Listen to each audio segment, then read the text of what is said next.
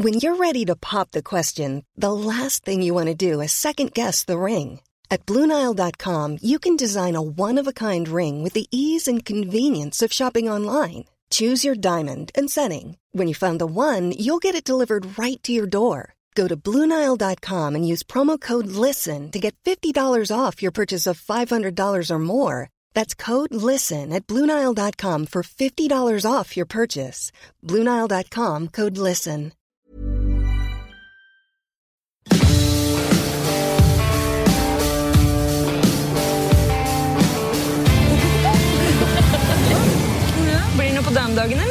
Eller? Meg og hun er her. Vi har lovt hverandre evig troskap.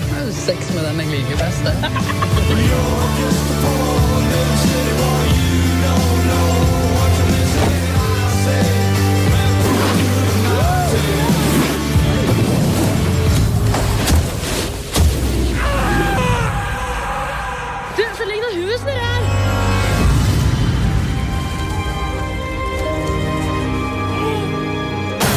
Them out in the streets to tell their friends how wonderful it is to be scared to death.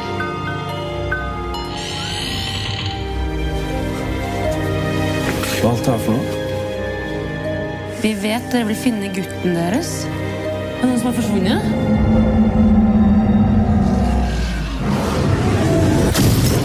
Hi, I'm Eric Threlfall from The Hysteria Continues, and you're listening to Skräckfilm Cirkin. Välkommen till Skräckfilmscirkeln och nu med avsnitt nummer 10. Vi har avhandlat eh, några av de mest basic ämnena inom skräck och skräckfilm. Och jag som tagit dig genom denna mörka skog heter Patrik och jag har inte gått runt ensam utan med mig i mörkret har jag haft den ryslige skräckfilmsvärden Fredrik. Så grattis till oss till avsnitt 10! Ja, nu är vi, nu är vi dubbelsiffriga här. Ja, eh, jag är väldigt nöjd med hur det har mottagits bland, de- dels bland våra vänner och studiekamrater och sådär. Och framförallt hos de här unika lyssnarna, alltså enstaka. Och nu när vi, när vi spelar in just det här avsnittet så har vi haft närmare tusen lyssningar. Yay! Eh, Har jag kollat upp. Ja, precis. Och det är i och för sig en sanning med modifikation. För när man läser då är det liksom... Om någon lyssnar mer än 60 sekunder då är det en lyssning. Jaha, okej. att det, det, det kan ju vara folk som bara har lyssnat. Nej fy fasen, de här gillar vi inte. Och så gav de upp. ja. men, men fortfarande så ska vi vara glada för att vi har fått mycket muntlig positiv feedback. Men den, den skrivna den, eh, den lyser med sin frånvaro.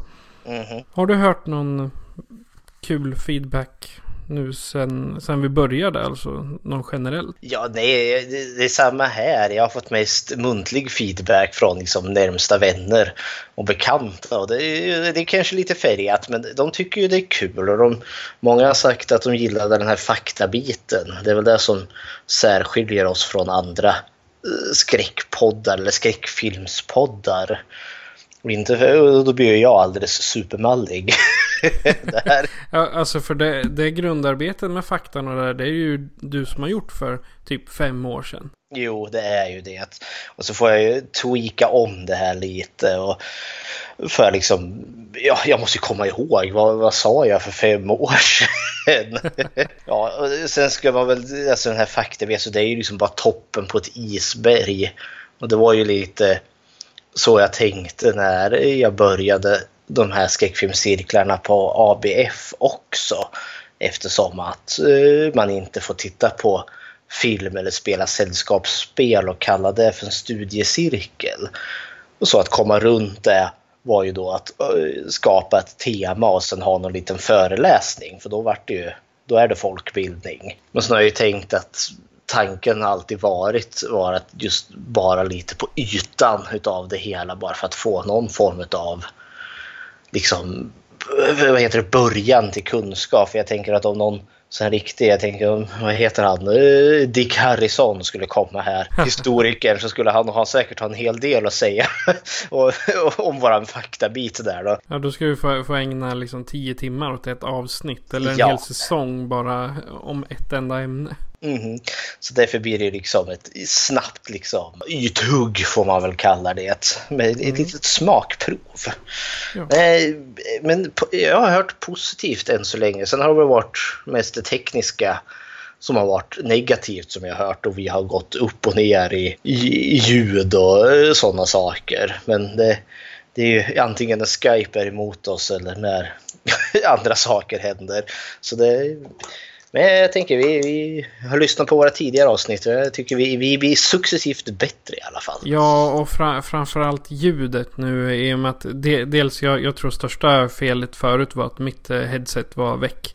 Så, och sen nu när jag, när, jag, när jag skaffar en ny då blir det mindre, mindre jobb för mig att hålla på och höja och sänka och greja Mm. med alla volymer. För det är då det blir ojämnt. Och, men eh, sen, sen blir det ju träning också. Man lär sig vart efter. Man gör ju det, för tänk för det här är ju helt, du, du som sköter det rent tekniska. Allt jag gör är att prata i en mikrofon, kände jag.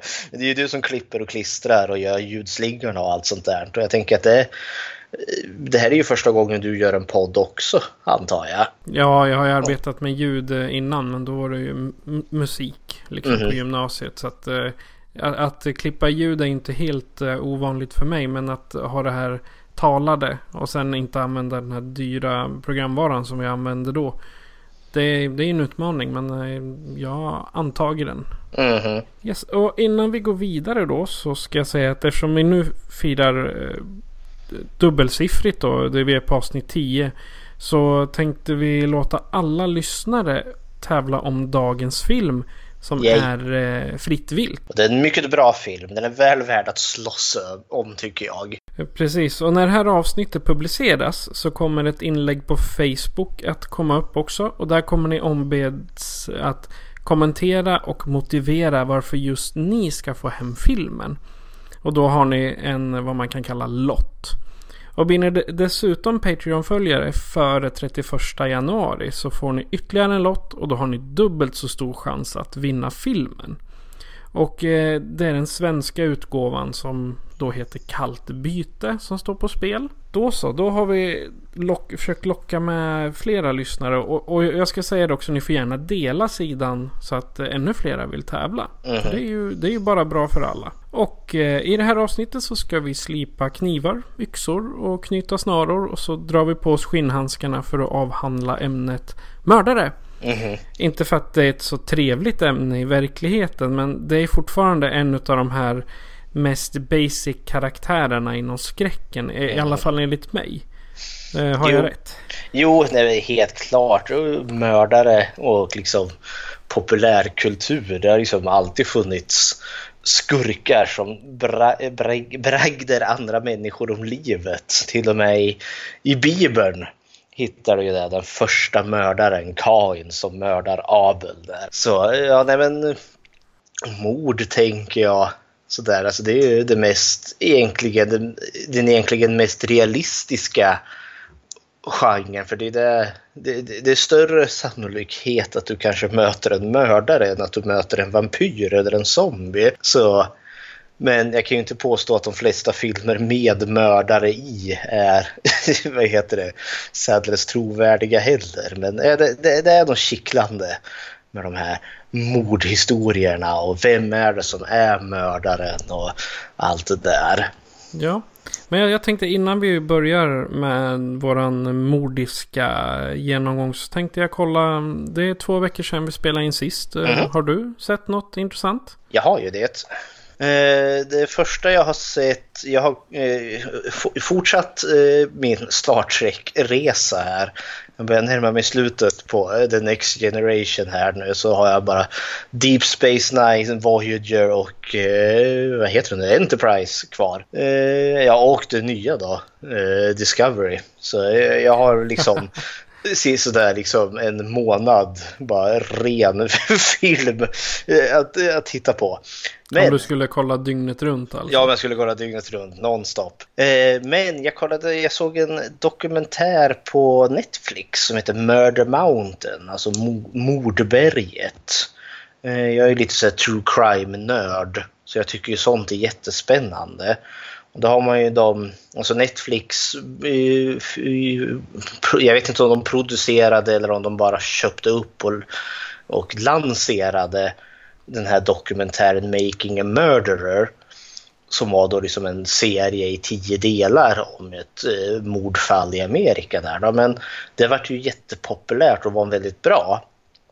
Och efter det så har jag, har jag upplevt att Netflix har producerat eh, Eh, flera typ liknande till där man sätter sig in i något eh, brottsfall och sen nästan gör det ja, som, en, som en serie. Då. Och Murder Mountain var väl den senaste i, eh, i den eh, kategorin. Alltså Netflix Exclusive. Och det utspelar sig någonstans i Kalifornien, dels, i delstaten där, där det finns något område där man har eh, en gång i tiden de glada hippisarna där flyttade ut dit för att komma undan vad heter det, staten och polisväsendet så de kunde få odla sin eh, marijuana i fred. Eller egentligen så var det kanske inte först och främst marianer utan man skulle bygga sitt community tillsammans. Så man kunde och bli självförsörjande, odla sin egen mat och få leva i sitt kollektiv och kunna få uttrycka sig själv, liksom det som är mitt jag. Men det som var väldigt kutym till hippiekulturen var ju just tillgången till marijuana. Så det, började, så det var ju som en sid, sidosyssla att odla det, men så kunde man ju tjäna pengar på det och i och med att det var så, stort område med väldigt lite polisstyrka för att kunna täcka det så plötsligt börjar ju som kriminella element inse att men herregud, här kan vi ju odla maja i ganska stor mängd och sälja det till ganska dyra pengar. Och så med tiden går så blir det liksom ett enda stort, alltså det blir som ett samhälle i samhället. Där liksom kriminella har lyckats byggt upp ett helt, ja, en hel, ja, stad är väl fel att säga, men ett, ja, ett, ett nytt samhälle där allting nästan kretsar kring de här majaplantodlingarna. Där, liksom, där polisen inte åker in för att det är för farligt att vara där. Och hundratals människor har försvunnit i det här området varpå den har då fått namnet The Murder Mountain, mordberget, för man vet inte vad har hänt med de här personerna? Har de bara åkt dit för att tjäna lite snabba pengar och sen traskat vidare eller ligger de nergrävda någonstans i den där liksom riktigt stora burriga skogen som finns där? Ja, för i den här Murder Mountain så besöker ju dokumentärfilmerna också de som planterar odlingen där och sen eh, den egen, så följer de något brottsfall där och någon ung kille som vart mördad och hur ortsbefolkningen själv löser detta genom att lyncha eh, mördaren i fråga. För man får ju också följa parallellt föräldrarna till den här mördade mannen eh, som eh, Ja, de, de vill ju ha rättvisa men kan ju inte riktigt få det för polisen tar sig inte in i det här området. Men ortsbefolkningen tar illa vid sig eftersom att den här mördaren är ju väldigt eh, kaxig eh, och liksom skryter hej vilt om vad han har gjort. Och så söker de upp honom och så sorterar de fanskapet och liksom tvingar honom att erkänna eh, och vart han har grävt ner kroppen så de kan gräva upp den. Ja, nej, men det, jag kan rekommendera den när man är true crime-fantast för jag tyckte den var väldigt spännande. Okej. Okay. Har du sett något mer? Jag har sett två till. Jag har sett Death Ship eh, från 1980. Eh, en riktigt fantastisk, eh, bisarr liten film eh, som inleds med en, så ett stort lyxskepp. Eh, någon eh, partyfärja eller vad man nu kan vara. Eh, som är ute och eh, far på vattnet där och det är mycket så här, det är inte så här Finlandsfärg utan för det är verkligen så här det fina folket med långklänningar och eh, frack och eh, pärlhalsband och det är, liksom, det är väldigt tjusigt och flådigt. Och så plötsligt så blir deras båt rammad av en annan båt som bara dyker upp ur dimman där. Och så sjunker ju deras skepp eh, ganska ögonabums. Och så blir det en liten klick kvar vid en livbåt där som guppar omkring på havet. Eh, och det finns ju ingen hjälp att få men det här skeppet som rammade dem ligger ju där och flyter. Och eh, efter mycket om och men så smyger de sig ombord på det här skeppet för att se. Eh, då, då ser om de kan hitta något skydd för väder och vind och kanske något att äta. Och så visar det sig att skeppet är ju i stort sett, alltså det är ju övergivet. Det är något gammalt stridsfartyg från andra världskriget som ja, flyter omkring där då.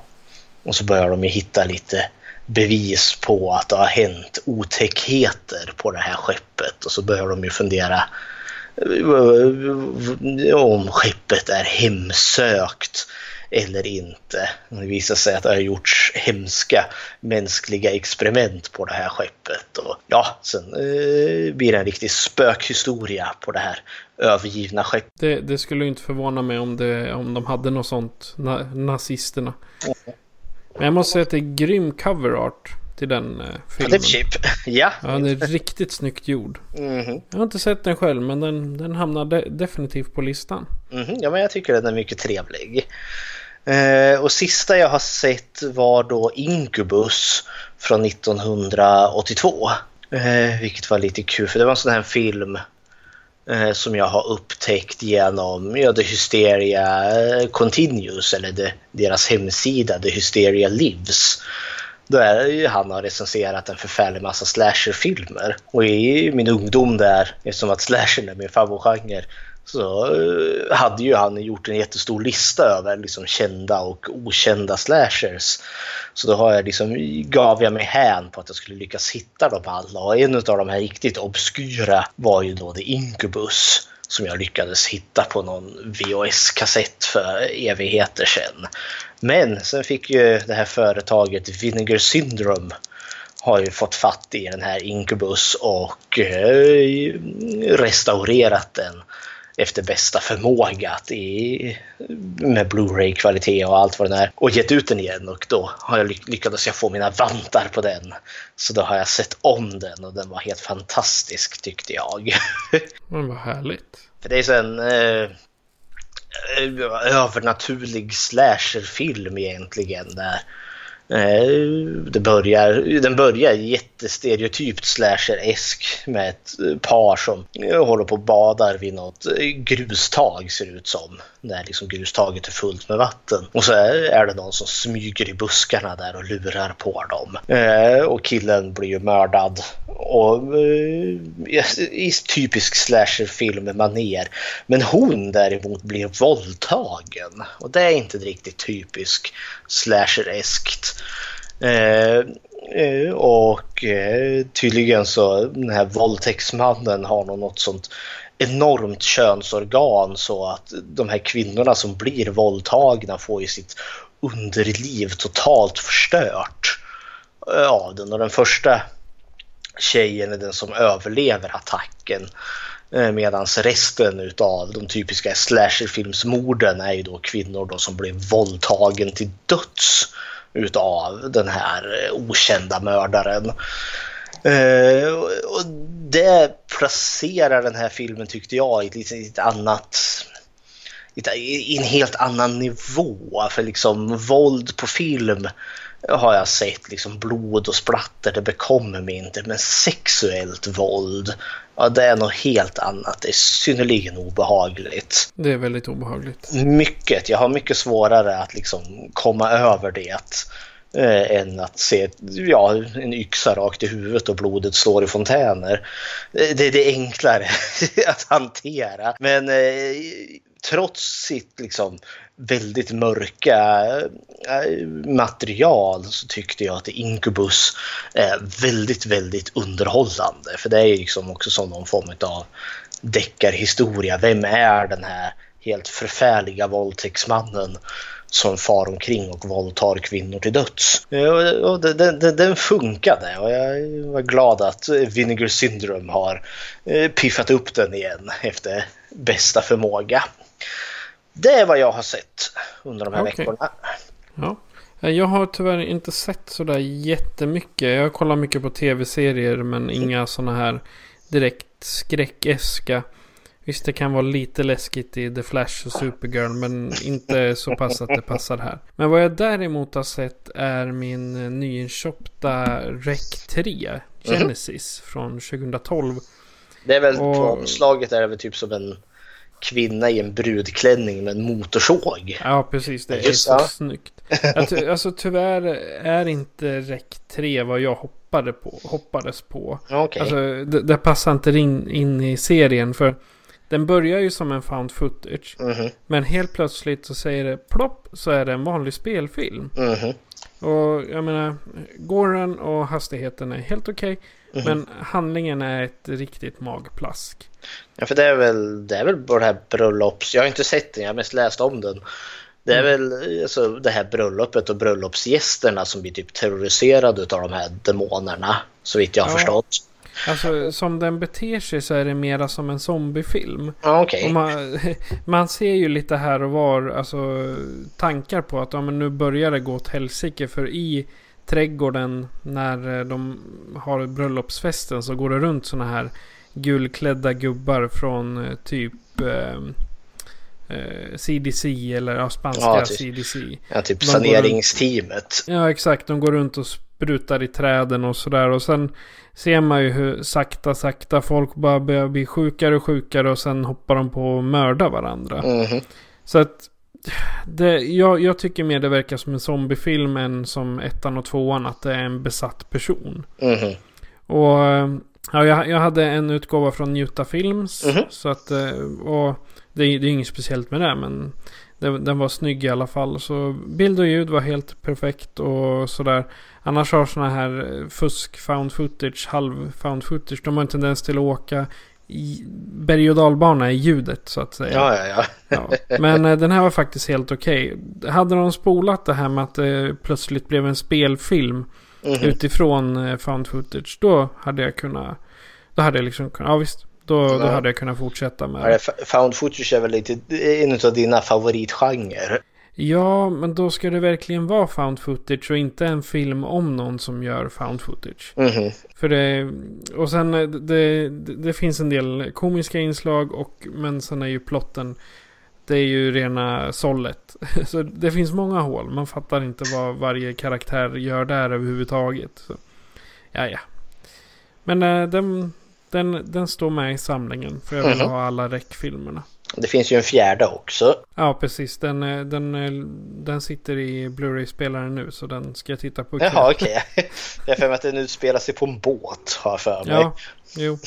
Då så. Och i samband med eh, våra, våra teman då så antar jag att vi har satt ihop en topp tre mördarfilmer. Vi har ju det. Yes. Ehm, Så det, det kan ju vara bra också om vi motiverar hur, hur filmen är en mördarfilm. Ja, och jag tänkte för jag, det här är ju precis i början. Det här är ju säsong två utav skräckfilmscirkeln. Vi har avklarat säsong ett nu. Eh, och eh, då var jag lite osäker på när jag satte de här temana. Jag tordes inte riktigt sätta just eh, titeln slasher eftersom att slashern är en ganska utskälld genre utav kritikerna. Så jag tänkte, oh, nej, eh, gruppen hade liksom inte blivit så sammansvetsad som den är nu. Så då körde jag lite generiskt och bara liksom sa mördare. Och jag insåg nu när vi gör podden här att det hade varit jätteroligt att bara nörda in på just slasher och slasherfilmernas historia. Eh, Det hade jag gärna gjort om vi nu inte är som så att vi senare i skräckfilmscirkeln kommer ha slashen som ett eget tema. Så, så tänkte jag skit också. Nu har jag lyckats måla in mig ett hörn här för fem år sedan. Men då tänkte jag eh, att jag tänker inte spinna på just själva slasherfilmerna. Även om nu Fritt vilt är en väldigt typisk slasherfilm. Ja, Så eller tänkte- slasher-esk i alla fall. Ja, jo, men det, det, det finns eh, gott om slasher-eska drag i den, helt klart. Men då tänkte jag liksom bara spinna på mord överlag. Eh, och det finns ju filmer liksom, typ som seriemördar, thrillers och liknande som inte då uppfyller liksom den här eh, slasher-genren liksom med hat. Väldigt liksom, ja, slasher för att ta det lite kort sammanfattat så har du ju en stor grupp, i regel ungdomar, på en specifik plats, typ ett sommarkollo eller i ett hus eller i ett övergiven eh, sjukhus eller något så liknande och så är det en maskbeklädd mördare som tar livet av dem en efter en. Där har du ju din typiska serie, din typiska serie eh, slasherfilm. Medan det finns andra mordthrillers eller skräckfilmer som också har då en mord som det stående hotet men som inte är strukturerade på det sättet. Nej. Och då tänkte jag, då, då börjar jag min topp tre här då. Låter eh, alldeles utmärkt. Med, med ett just sånt eh, ja, typ av exempel tänker jag då. Då tar jag som nummer tre Psycho. Det, och det, vissa hävdar ju att Psycho egentligen är liksom födelsen till den moderna slasherfilmen. Eh, men alltså Psycho är ju bara fantastisk i sig för det är ju Alfred Hitchcock och Alfred Hitchcock är ju nästan, han är ju mästerlig på det han gör. Och Psycho är lite kul för att den filmen vart ju liksom nytändningen i hans karriär för han var ju ganska uträknad eh, innan han gjorde den här Psycho. Och Psycho fick han ju göra under väldigt stort motstånd. Han hade ju inte för, alltså de här stora filmbolagen med sig, Warner Bros och Paramount och Universal. De alla rynkade på näsan åt Psycho för de tyckte att det här är ju liksom bara lågbudget skräckfilm, bara skräp. Men det var väl lite den inställningen till eh, skräckfilm överhuvudtaget på den tiden? Ja, för liksom skräck det var någonting som man, eh, alltså skräckfilmer var liksom något som man gav väldigt låg budget och inte liksom mycket hantverk till utan producera någonting billigt så att vi kan tjäna pengar på det på biograferna sen. Eh, så därför var det ingen riktigt som trodde på den här Psycho och sen visade ju Hitchcock att ja, vart skåpet skulle stå. Det är ju en av hans mest framgångsrika filmer. Men där tycker jag, där har du en sån riktigt bra eh, mordthriller eh, om just hon stackars Marion Crane som skär pengar från sin arbetsgivare och sen tar sin olyckliga lilla hotell, eller motell är det väl, motellvistelse där på Bates motell. Eh, och tar sin ödesmättade lilla dusch där. Och så blir hon ju så berömt nog knivad till, dusch, till döds i det som brukar kallas för duschmordet. Exakt, och det var väl Bates Motel finns ju som serie på Netflix nu. Också. Det gör ju det. Och den Eller för bra. några år sedan kom det. Ja, den är väl avslutad, det fem säsonger tror jag. Ja. Yes, eh, min nummer tre det är Seven mm. från 1995 eh, med eh, Morgan Freeman och Brad Pitt som är två mordutredare. Och de jagar mm. en seriemördare som motiverar morden genom de sju dödssynderna. Jajamän. Så, så, så man kan ta ett av de första morden är en överviktig man som han typ har slicat och dicat och sen har han skrivit frosseri med blod. Mm. Jag har för mig det. Och han, har, är... han har ju tvingat honom att äta sig själv till döds. Ja just det, är så det. är det ja. Han trycker ju honom full med mat och sen har han väl eh, sparkat han i magen så jäkla hårt så att magsäcken sprack. Och det är riktigt groteskt. Ja, jag, alltså jag gillar den filmen. Inte för att jag gillar skådespelarna så värst. Det är ju inte mina favoriter. Men Freeman är grym. Brad Pitt är liksom, han, han är med i allt. Så ja, det, det är inte mina favoritskådespelare. Men de är bra, men det är inte okay. mina favoriter. Så eh, jag, jag gillar den liksom för att den, det är inte en skräckfilm i den bemärkelsen att det kommer en eh, mördare och hugger halsen av folk och det är jättemycket blod. Utan det här är verkligen en det är som sa fast utan all tortyr. Tortyr, man får ju aldrig se något utav morden. Vi får ju bara se eftermatchen utav alla morden. det, är liksom det, är det, det är det som gör att jag tycker om den så mycket. För jag vill inte se det här att han, eh, mördaren, står och trycker ner all mat i mat, ma magsäcken på honom. Och mm liksom, se honom dö. För det, det är ingenting jag tycker om i skräckfilm. Ja, nej, för jag menar, eh, det är David Fincher som jag för mig har gjort Seven. Och han är ju helvetes jävla bra på att göra film. Eh, för den här kommer jag ihåg, det gick ju i högstadiet tror jag när den här kom och det var en stor snackis kring Seven för den är bra. Den är bra kuslig på det sättet. Och den är lite jalloesk för när vi väl får se mördaren när de jagar honom så har han ju den här överrocken och svarta hatten och de här svarta skinnhandskarna. Vilket fick mig att tänka på de ja, italienska jallon där. Mm. Men jag tycker det, det, är ett eh, perfekt exempel på en sån här just mordfilm som inte är en slasher. Mm. Han gick vidare, eh, vad sa vi, David Fincher, han eh, regisserade Zodiac. Mm -hmm. Och eh, World War Z2 ska han tydligen mm. regissera nu. ja, det ska bli spännande. Ja, jag kan inte säga att det stämmer. Nu, nu är vi på IMDB här så. Mm -hmm. Men han, han gillar uppenbarligen seriemördarfilmer då. Ja, och vad är din ja. nummer två? Min nummer två är To Catch a Killer. Eh, vilket är då en eh, amerikansk eh, miniserie gjord för tv som gjordes 92. Och den handlar ju då om, alltså det är ett verklighetsbaserat drama som handlar om infångandet utav seriemördaren John Wayne Gacy. Den är typ tre timmar lång. Den är...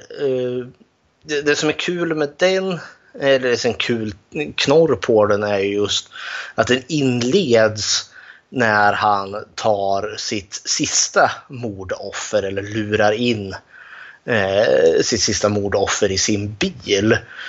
Eh, och vi får inte se mordet. Och det är det som är grejen, att under hela den här filmen så får vi inte se, no se några mord alls. Vilket jag tyckte var ganska underhållande. Eh, och eh, det som är kul för det handlar ju just om de två sista veckorna i John Wayne Gacys eh, frihet. För i verkligheten så var det ju så att det här sista, den här sista pojken, för John Wayne Gacy eh, vad heter det, kidnappade och våldtog ju pojkar framför allt. Eh, och mördade dem och begravde dem i sin, eh, i sin i husgrunden. Lagom trevligt. Ja, det, eh, han mördade väl 33 pojkar allt som allt. Men för det, det, för det var ju i verkligheten så uppdagades väl inte det här förrän just den här sista grabben försvann i hans skåpbil. Eftersom att han hade varit ganska noga med de offer han hade valt ut var ju alltid så här, eh, tonåringar som var på rymmen eller hemlösa som hade liksom inga anhöriga eh, som letade efter dem. Men den här sista killen var väl någon som han hade sett och tyckte att han var jättesöt. Eh, och bara beslutade sig att honom måste jag ha. Grejen var ju bara det att han hade ju anhöriga som kunde stå på sig. Eh, och eh, eh i och med att de sista visste ju att de hade sett den här killen då, tillsammans med John Wayne Gacy så polisen hade ju gått över till honom och frågat eh, bara för att ta liksom, vad var det sista du minns om den här killen innan han försvann? Och då gjorde de ju hemma i hans hem. Mm. Och så känner, känner de ju doften eh, utav lik i hans hus. Och det är då misstanke börjar fattas på honom och så sätter man span på honom. Och det är där filmen börjar. Och, eh, och i verkligheten så var det så också att det tog typ två veckor däremellan. Så det är ju lite så en riktig katt och råtta film. Eh, för det handlar just om polisen där då, som har utredningen eh, och sen John Wayne Gacy där då, som försöker undvika att bli tagen. Och grejen är ju också det att John Wayne Gacy var ju lite av en sån samhällspelare. Ja, han var en riktig profil, liksom skaka hand med eh, George Bush den äldre, alltså presidenten då, eh, fru. En riktig så jetsättare som eh, polade med borgmästaren och hade sig. Så den här stackars polisen har ju liksom oddsen emot sig för polischefen tycker att det här är ju dumheter. En sån viktig person som John Wayne Gacy, han gör inte såna här vidriga saker. Men han har ju rätt. Så det, det, är min nummer två för jag tycker den är jättebra skådespelat. Och Brian Dennehy som spelar John Wayne Gacy gör en helt superb roll. Och Brian, det som är kul med Brian Dennehy är att han i regel spelar liksom hjältekaraktärer. Han brukar vara liksom den goda polisen eller den här liksom hårda och coola militären som spör på skurkarna som står härliga till. Men i den här så spelar han då en ryslig seriemördare. Och det gör han med bravur. Så Okej, det är min nummer två. Ja. Ja, Jag, jag googlade lite på den och ser att det finns en... eh, finns två saker till. 2018 så är det planerat att ska komma... Eller så var det planerat att det skulle komma en till. To Catch a Killer. To Catch a Killer 2. Fången Nej, vadå? faktiskt to, to Catch a Killer. Men eh, frågan är då om de skulle göra någon form av remake på den där eller... Ja. Det finns i alla fall en tv-serie från 2014 på åtta avsnitt med samma namn. Och det är ju också det här eh, true, true crime-aktigt. Mhm. Ja, så är det. Eh, Min nummer två. Det är eh, Happy Birthday to Me. Mm. Och eh, ja, det är en, eh, det, det är en slasher Ja, gud ja. uttalad. Är och då, då är det alltså på, den är från 81. Och eh, på den snobbiga Crawford Academy så börjar eh, våran huvudrollsinnehavare och Virginias vänner försvinna. Eh, ett par år efter den hemska händelsen när hon fyllde år för Mhm. många år sedan. Och hon minns inte riktigt vad som hände. Och det här är ju en av de mest banbrytande slasherfilmerna där den onda tvillingen liksom får, får, får in sig, kommer in i skräckfilmsgenren. Och med pompa och ståt framförallt. Mhm. Så att hon är egentligen bara ett syskon som hämnas för alla missade födelsedagar. Och på så vis så blir hon besatt och hämndlysten mördare. Så att, att kalla det en slasherfilm. Ja, alltså jag är lite så här slasheresk snarare och skulle mera kalla det en psykologisk thriller. Eftersom man helt plötsligt ser liksom, det hänger en ifrån taket och det droppar blod och, Mhm. ja, och så se- ser de lik runt ett bord där när, när de kommer med tårtan. Jajamän. Och så här, det, det jag också reagerade på var just eh, det har de nämnt i The Hysteria Continues och Scream Queens att Alltså casten som är inne, de, de ska vara 16, 17, 18 år och det är 35-åringarna som, alltså 35-åriga skådespelare. Det är sällan de, brukar, de här 17-åringarna brukar vara 17 i de här filmerna. Ja, jag tänkte men man, man kanske kan undvika 15 år äldre. Liksom kanske ta 5-10 liksom. För de, de ser ju verkligen gamla ut. Eller så kan man ju göra som så att man inte skriver karaktären att vara 15 år gamla. Man kanske kan göra dem lite äldre. Ja, exakt. Det hade ju varit be- betydligt enklare. Mm. Men eh, det är en av mina absoluta favoritfilmer. Mhm. Så... Ja, vad är din nummer ett? Min nummer ett, alltså vi nämnde ju Zodiac innan utav David Fincher där och det är en för jäkla bra film och jag var jättefrestad att ta den. Men jag kan inte låta bli för jag var tvungen att ta den som jag har sett mest och det är ju När lammen tystnar. Eh, från, ja när är det? 90-92, jag sak samma. Eh, för den är ju, alltså den har jag sett jag vet inte hur många gånger. Jag bandade den på, eh, ja, på någon gammal VHS-kopia när den gick på tv någon gång.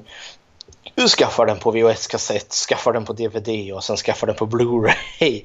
Och så får jag väl skaffa den när den kommer på 4K sen här också. Men alltså, redan från start eh, så har den filmen fångat mig för jag tycker musiken är helt fantastisk. Eh, Och jag gillar huvudkaraktären Clarice där, spelad av Judy Foster. Eh, och hennes liksom möte med Hannibal Lecter där som är eh, så sjukt spännande. Men sen också mördaren som hon jagar, den här seriemördaren Buffalo Bill som de kallar honom också. Han känns eh, trovärdig av alla så här filmiska, fiktiva seriemördare som jag har sett på film så känns Buffalo Bill eh, som en av de som faktiskt jag skulle kunna tro har funnits på riktigt. Eh, nej, jag, jag tycker eh, När lammen tystnar är en ruskigt underhållande film.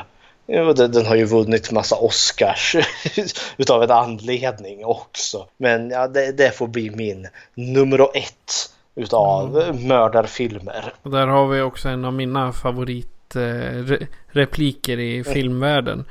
I'm sorry Clarice, I have to go. I'm having a friend for dinner. det är en av de bästa. Mhm. Eh, De, den gjorde en sjuhelsikes massa pengar. 272 miljoner. På en budget som var 19 Mm. ungefär. Så Så ja, den vart de rika på. Mhm. Ja, eh, min nummer ett är eh, ännu en som kan, som är mittemellan thriller och eh, slasher. Och det är Scream-serien. Mhm. Och då är det alltså från 96 till 2015. Mhm. Och det är ju dels för att det är Wes Craven. Och eh, Scream är ju ett, eh, ett visst resultat av hans eh, genialitet som Mhm. eh, regissör. Och vi, har- vi har ju kunnat, det har ju blivit nu i 20 år att man kan njuta av Ghostface och Mhm. den personligheten eller personligheterna. För det är ju flera, flera olika som använder Ghostface-masken. Mhm. Bevisligen då. Vad tycker du om Scream-serierna? Scream har jag alltid tyckt om. Jag, kom, jag såg första filmen när den kom på bio. Jag tror fortfarande jag gick i högstadiet när den kom och det var väldigt effektfullt att se den. Och Jag tycker första, Scream, första och andra Scream håller sig väldigt väl. Eh, och det är en sån fantastisk hyllning till 80-tals slasherfilmerna och samtidigt en modernisering av dem. Och självklart är jag jättetacksam för dem. För dem. Vi fick ju en slasherfilmvåg direkt efter Scream. Med eh, typ Jag vet vad du gjorde förra sommaren och Mördande legender och, och så vidare. Så vidare. Så det, det, det var happy days när Scream kom. Ja, det var det. det men, men Scream är ju, det har blivit liksom oss 80-talister. Det är våran moderna eh, slasher. Mhm. Och nu när Halloween kom förra året då fick eh, millennialerna eller millenniums Mhm. Millenniumfödda, de, de fick sin slasher, liksom Jajamän. slasher-mall så att säga. För innan, jag menar efter Scream så var det ju, visst det var de här jag vet vad du gjorde förra sommaren, remaken på House on the Haunted Hill och, men Mhm. det, alltså det är inte lika bra som Scream tycker jag. Utan det är mera att de har kopierat Scream och så har de bara tagit en annan typ av mördare. Mhm. Ja, men det, det är ju slashen i ett nötskal. Men alltså Exakt. utav alla de som kom så är det ju mest bara Jag vet vad du gjorde förra sommaren och Mördande legender som sticker ut. Eh, och det är, ingen lyckas ju få samma höjd som 80-talets slasher boom. Men ja, ja, hepp hepp. Eller alltså egentligen, eller botten. För filmerna är liksom för bra 90-tals-slasherna för att vara en underhållande slasher. Mhm. Även visst, de kan vara något underhållande, men jag, nu menar jag i den, jag menar som Texas Chainsaw Hookers. Men hur, det är ju väldigt underhållande. Det är en skitfilm, men det är väldigt underhållande. ja, ja, det är. Och det är en film som är synnerligen oseriös. Ja. Japp, det var våra topp tre. Mhm. Riktigt bra sådana. Och eh, mördare är ämnet än en gång. Men Mhm. innan eh, Fredrik eh, ger oss en liten genomgång med fakta om de som tar livet andra har så har vi ett litet meddelande från vår sponsor. Tack till pryltoket.se som betalar avgifterna för de tjänster vi använder för att kunna ge er bästa från våra avsnitt. På pryltoket.se hittar du DVD och Blu-ray-filmer, retroprylar och annat användbart i hemmet. Ännu en gång, tack pryltoket.se. Eh, Fredrik, du har gjort research om eh, mördare, så jag Mhm. säger bara stab it. Stab it away. Eh, det jag tänkte är eh, det är lite lättare när man har att göra med varulvar och liknande för då kan man liksom nörda in på väldigt specifik historia. Mord är ett väldigt stort begrepp och vi har typ Ja, sen eh, våra förfäder kom på att man kunde slå någonting hårt i huvudet på en annan så har vi nog mördat varandra liksom ganska friskt genom tiderna.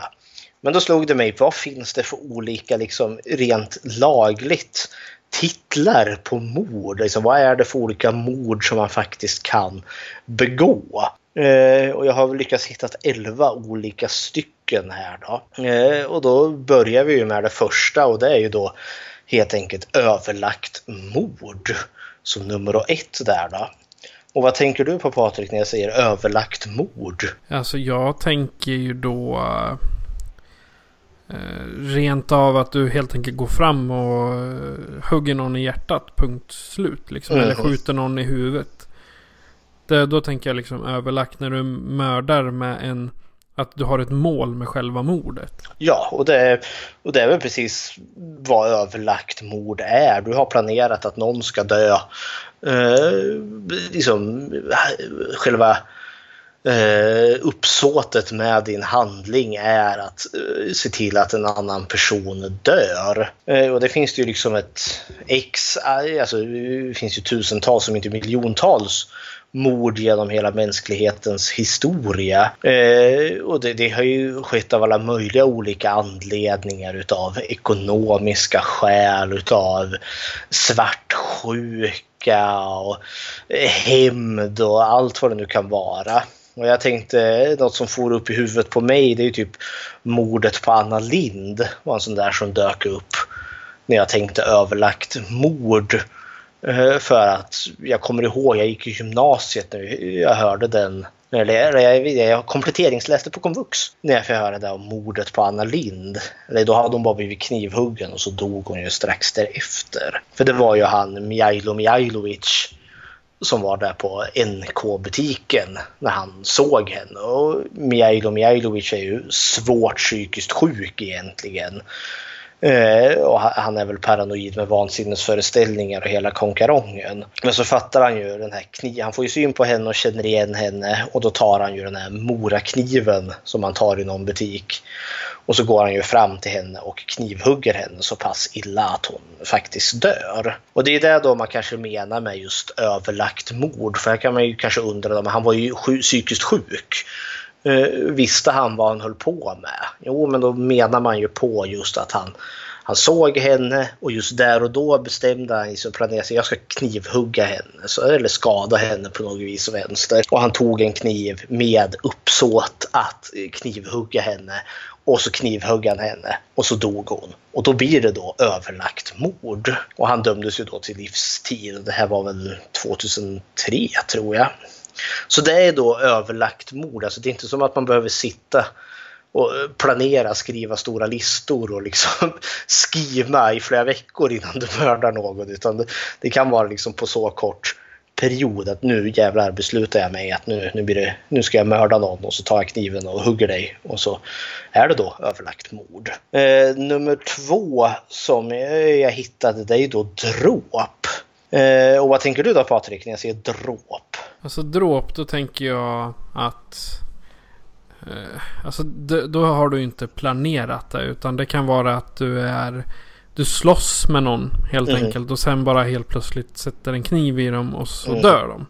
Så istället för grov misshandel så ramlar det över till dråp när du har mm. tagit livet av honom. Ja, det är ty, typ, ja hon eller han eller hon. Män som kvinnor har varit bra på att mörda varandra. Eh, I stora drag så har jag tolkat det så också. Visserligen kan du åka på att, precis som du har det exemplet som du tar där, liksom att vi, man håller på att slåss och så drar någon plötsligt upp en kniv och knivhugger den andra personen.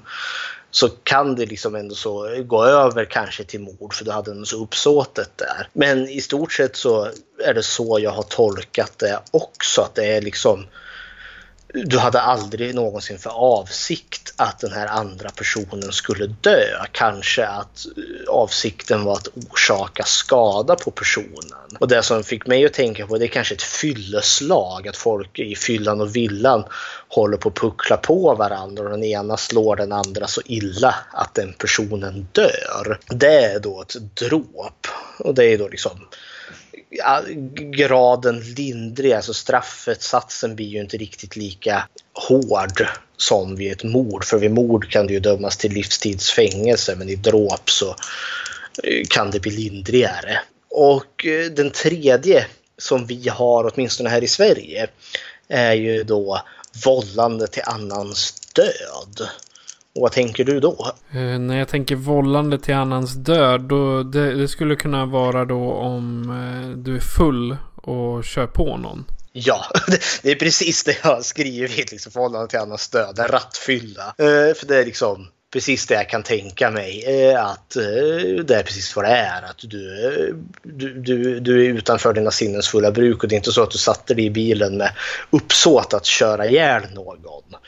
Eh, men du var berusad och kunde inte kontrollera dig för fem öre. Eh, eller säg om du kanske blir plötsligt sjuk eh, får blodsockerfall eller en hjärtinfarkt och bilen svirar av vägen så kan du också bli skyldig till vållande till annans död eller som Jag tänker med Göteborgsbranden.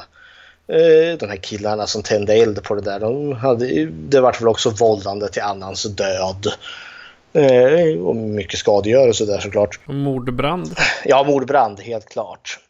För jag tänkte också det, om jag ska skutta tillbaka till dråp, för du kan ju också vara så, så pass psykiskt sjuk att eh, du, folk kan ju få psykoser så att de vet helt, helt enkelt inte vad de gör utan de kanske i sitt eget sinne tror att de håller på att fly på något och i sitt panikslagna tillstånd Eh, så kan de ju råka skada någon så pass illa att den personen dör. Och då, då kan det liksom pendla mellan dråp och vållande till annans död. Men det är de tre vi har rent svensk juridisk eh, alltså mening och det är då överlagt mord, dråp och vållande till annans död som jag kunde hitta. Men sen har, finns det ju också en dag som kanske räknas in här lite. Jag vet inte direkt om du kan bli dömd till det utan det är ju snarare liksom bara ett konstaterande att så här var det. Och det är ju då nödvärn.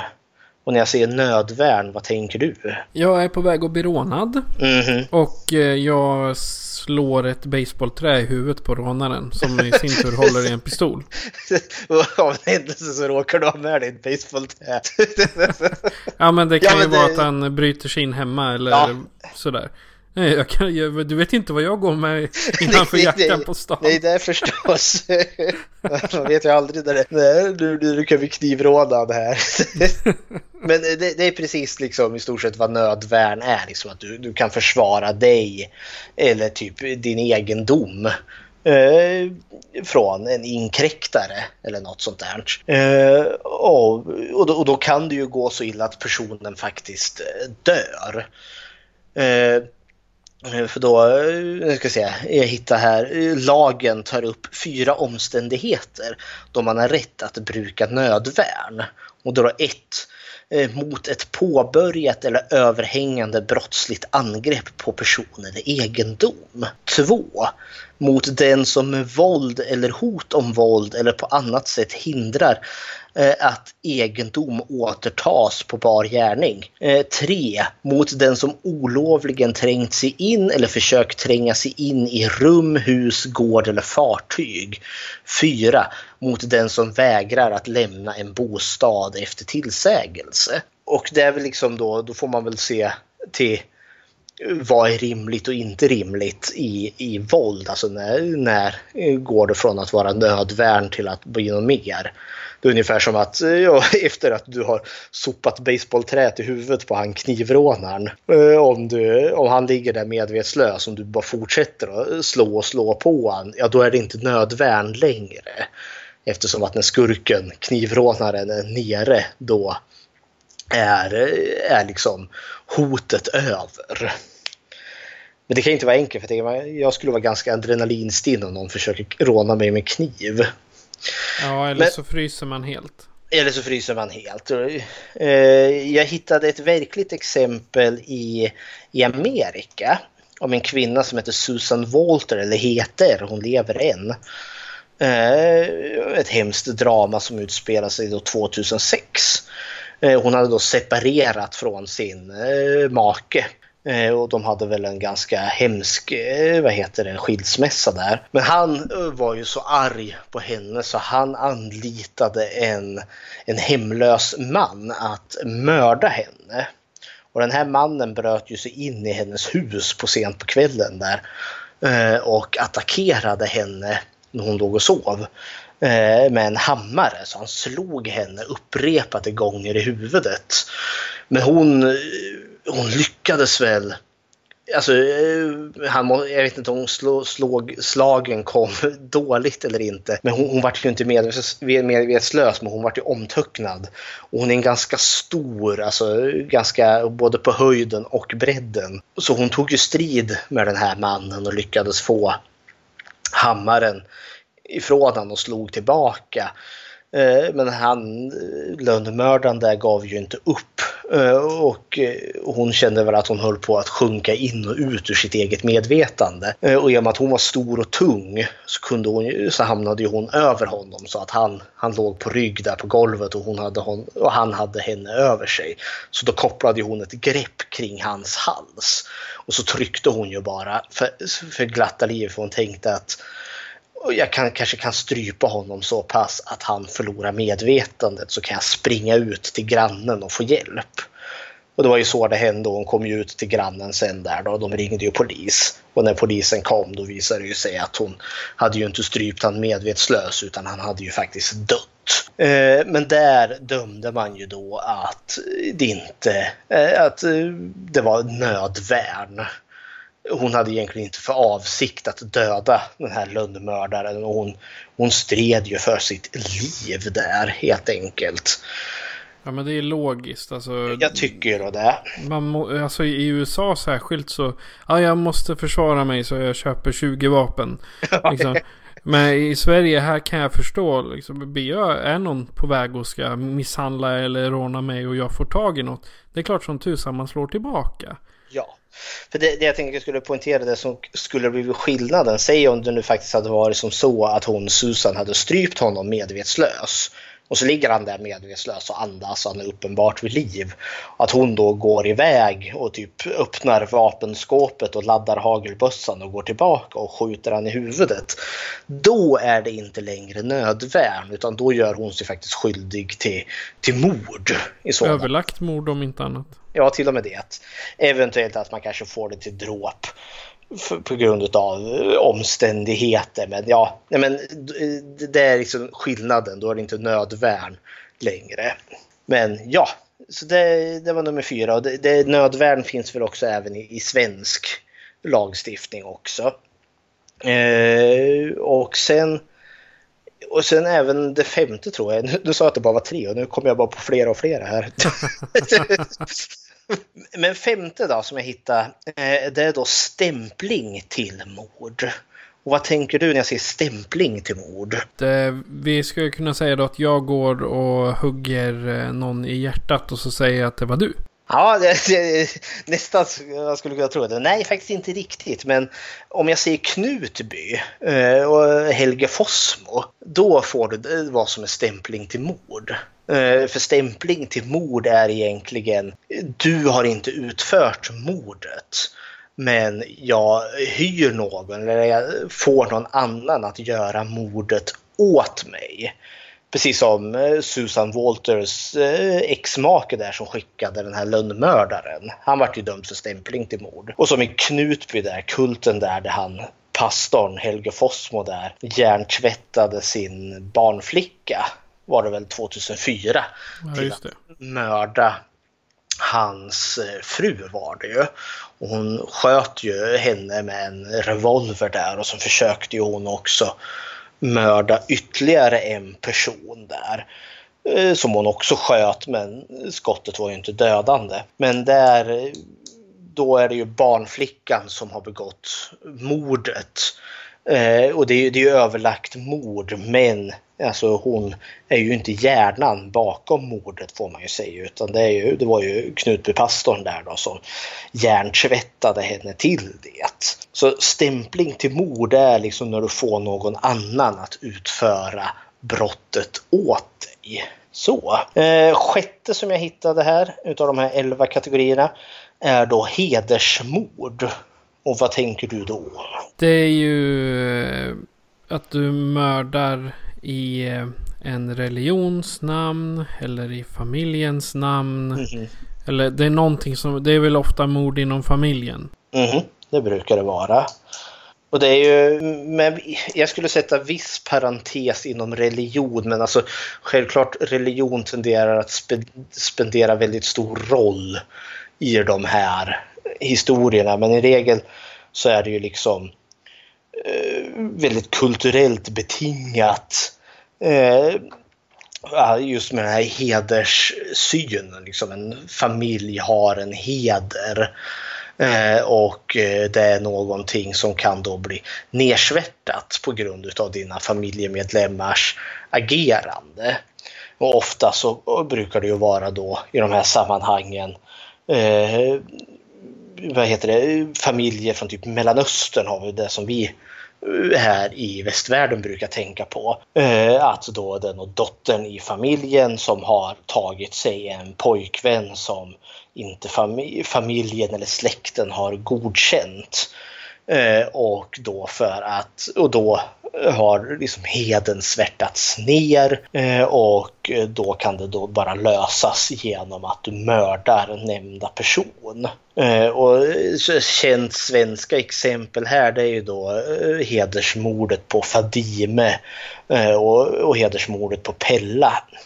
Och Pella är väl den som jag minns mest för jag har läst en bok och lyssnat på P3-dokumentären eh, om henne. Och det mordet skedde ju 1999. Eh, och då var det ju precis det som hände där då att hon, äldsta dottern i familjen, Pelle, jag tror hon var 19 eller 20 år där då, hade ju blivit förälskad i en, i en kille där då som eh, hennes eh, släkt var det inte godkände. Det var någon, eh, så vitt jag förstod, någon farbror som inte ens bodde i Sverige. För mig att han bodde i typ Australien eller något sånt där. Men han var familjens överhuvud. Och han kunde inte godkänna det här då. Så beordrade han ju då eh, sin, eh, sin son, alltså Pellas pappa, att återupprätta hedern genom att, att de ska mörda henne. Men det klarar inte han riktigt av. Eh, men han har ju, tror jag, tre bröder. Så i slutändan så blir det de här bröderna som begår det här rysliga mordet. I, och då har de ju, så grisigt som, som det är, så har ju de till och med för hon, stackars Pela där, då har ju efter mycket om och men och mycket skrik fram och tillbaka antar jag, gått med på något arrangerat äktenskap där då som, ja för det där kan också rädda hedern. Så att de åker tillbaka till, jag tror det var Iran eller Irak, nu är jag osäker. Eh, men det visar ju sig att det finns inget planerat äktenskap där utan att det är ett planerat mord. Så eh, för när de väl kommer dit så finns farbröderna där och så skjuter de ju henne till döds. Och det vart ju unikt på det sättet att eh, ett, vi hade ett mord på en svensk medborgare i ett annat land där då liksom statsapparaten i, säg om det nu var Iran, eh, liksom, såg det här som förmildrande omständigheter eh, och lät mördarna liksom mer eller mindre gå undan med liksom ajabaja, nu var du dum. Eh, Medan här i Sverige, ja det är ju det, medan här i Sverige tack vare Pellas lilla syster då eh, som kom att vittna eh, om allt detta då får de här bröderna fällda trots allt. Så det är lite unikt, liksom ett mord på eh, Ja, på Pella där då, så, som polisen har utrett som har skett i ett annat land.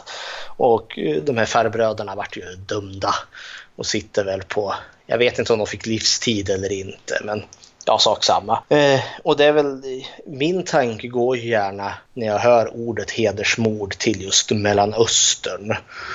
Eh, och med kulturen, att det har någonting att göra med den islamska kulturen och det går inte att sticka under stolen. Men jag tänkte när vi har pratat med vår gemensamma vän Martin här, vår historienörd. Ja, precis. Så jag menar, Sverige har också haft en ganska stark hederskultur. Förr i tiden där så kunde man ju när man bodde på bygden, det var ju liksom på gamla bondesamhället.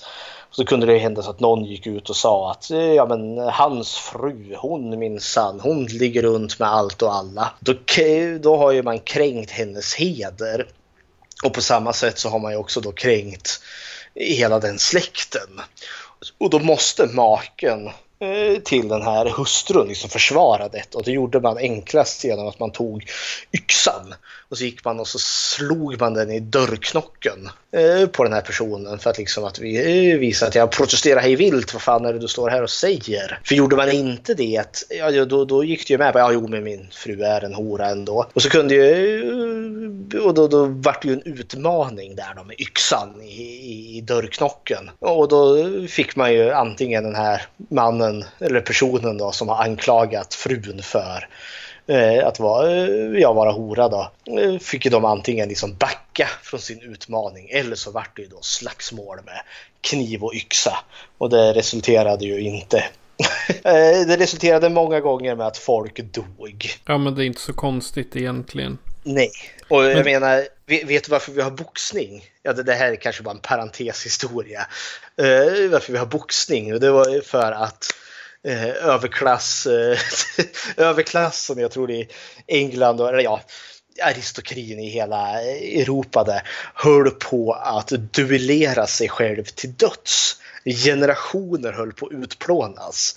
Du har säkert kanske sett i någon film när någon går fram till någon och slår en annan i handen eller i, i ansiktet med typ en vit handske. Liksom. Utmanar det på duell. Ja, jo, det har jag sett. Och så står man liksom med, man har varsin pistol och så går man tio steg och så vänder man sig om och skjuter. Pju! Ja, antingen dör båda eller så dör en. Japp. Eh, och det var väldigt kutymt att göra så. Vilket resulterade i att liksom mängder med personer, alltså framförallt män då, liksom duellerade sig till döds. Så hela generationer höll på att dö ut på grund av dessa rika unga män som låg döda i drivor för att försvara sina flickvänners heder och ära där. Och då kom kyrkan in bland annat för att liksom lösa detta genom att införa då boxning. Så att de istället fick liksom göra upp det med händerna istället och slå varandra på käften. Eh, för då, då sjönk dödsantalet drastiskt.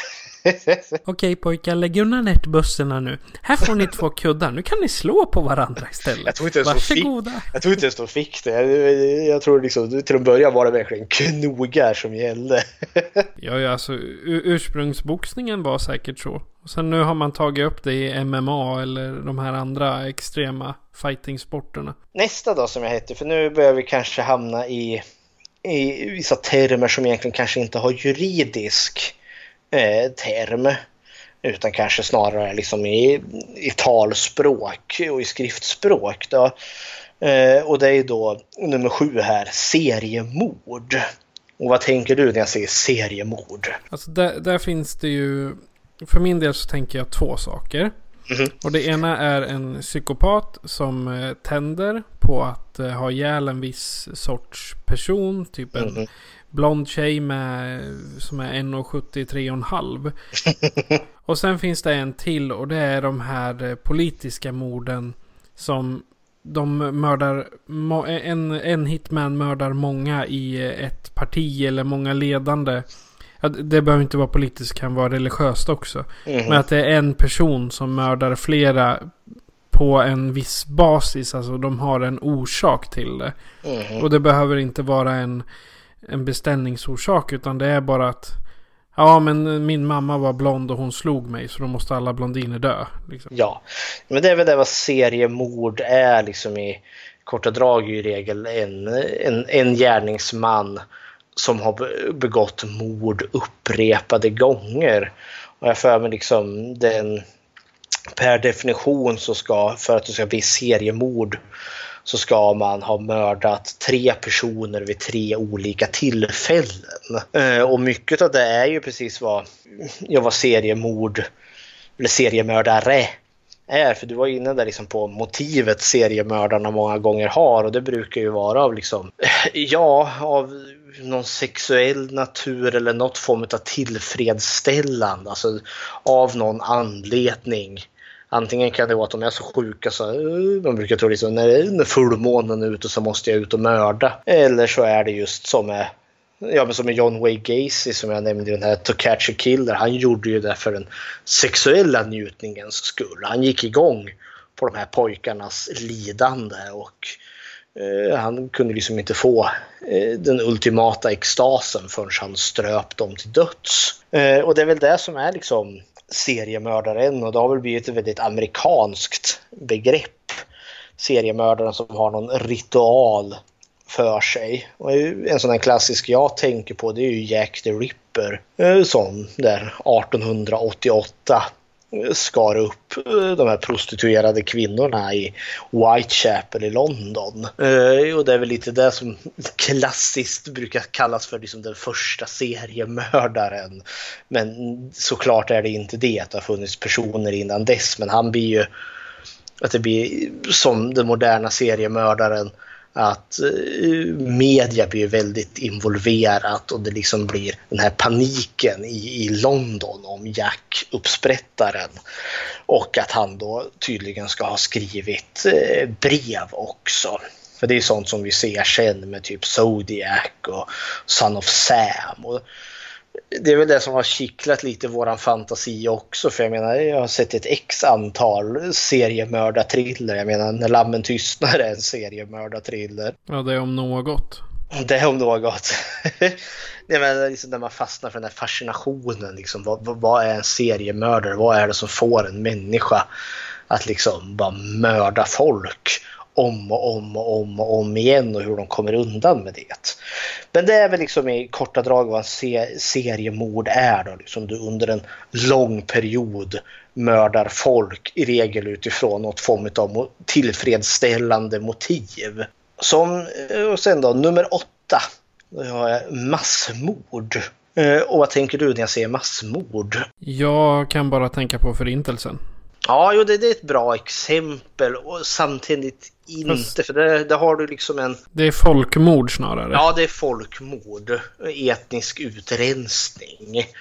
Eh, men, men, men, jag är helt med på spår för liksom, tar man i Auschwitz, jag menar typ en, en, nästan mellan en och en halv och två miljoner människor dör där. Det är liksom en, en massa människor som blir mördade. Så ja, massmord. Ja, det är ju typ hela, hela Stockholms invånare. Ja, så, och det skulle ju vara ett massmord. Men nej, inte riktigt. Nej, då, då kan jag tänka mig att det är typ som han eh, Las, Las Vegas-skytten. Ja. Det han begick var ju ett massmord för han sköt ju en sjöhelsikes massa människor. Ja, och det är väl precis, det är ett jättebra exempel på ett massmord.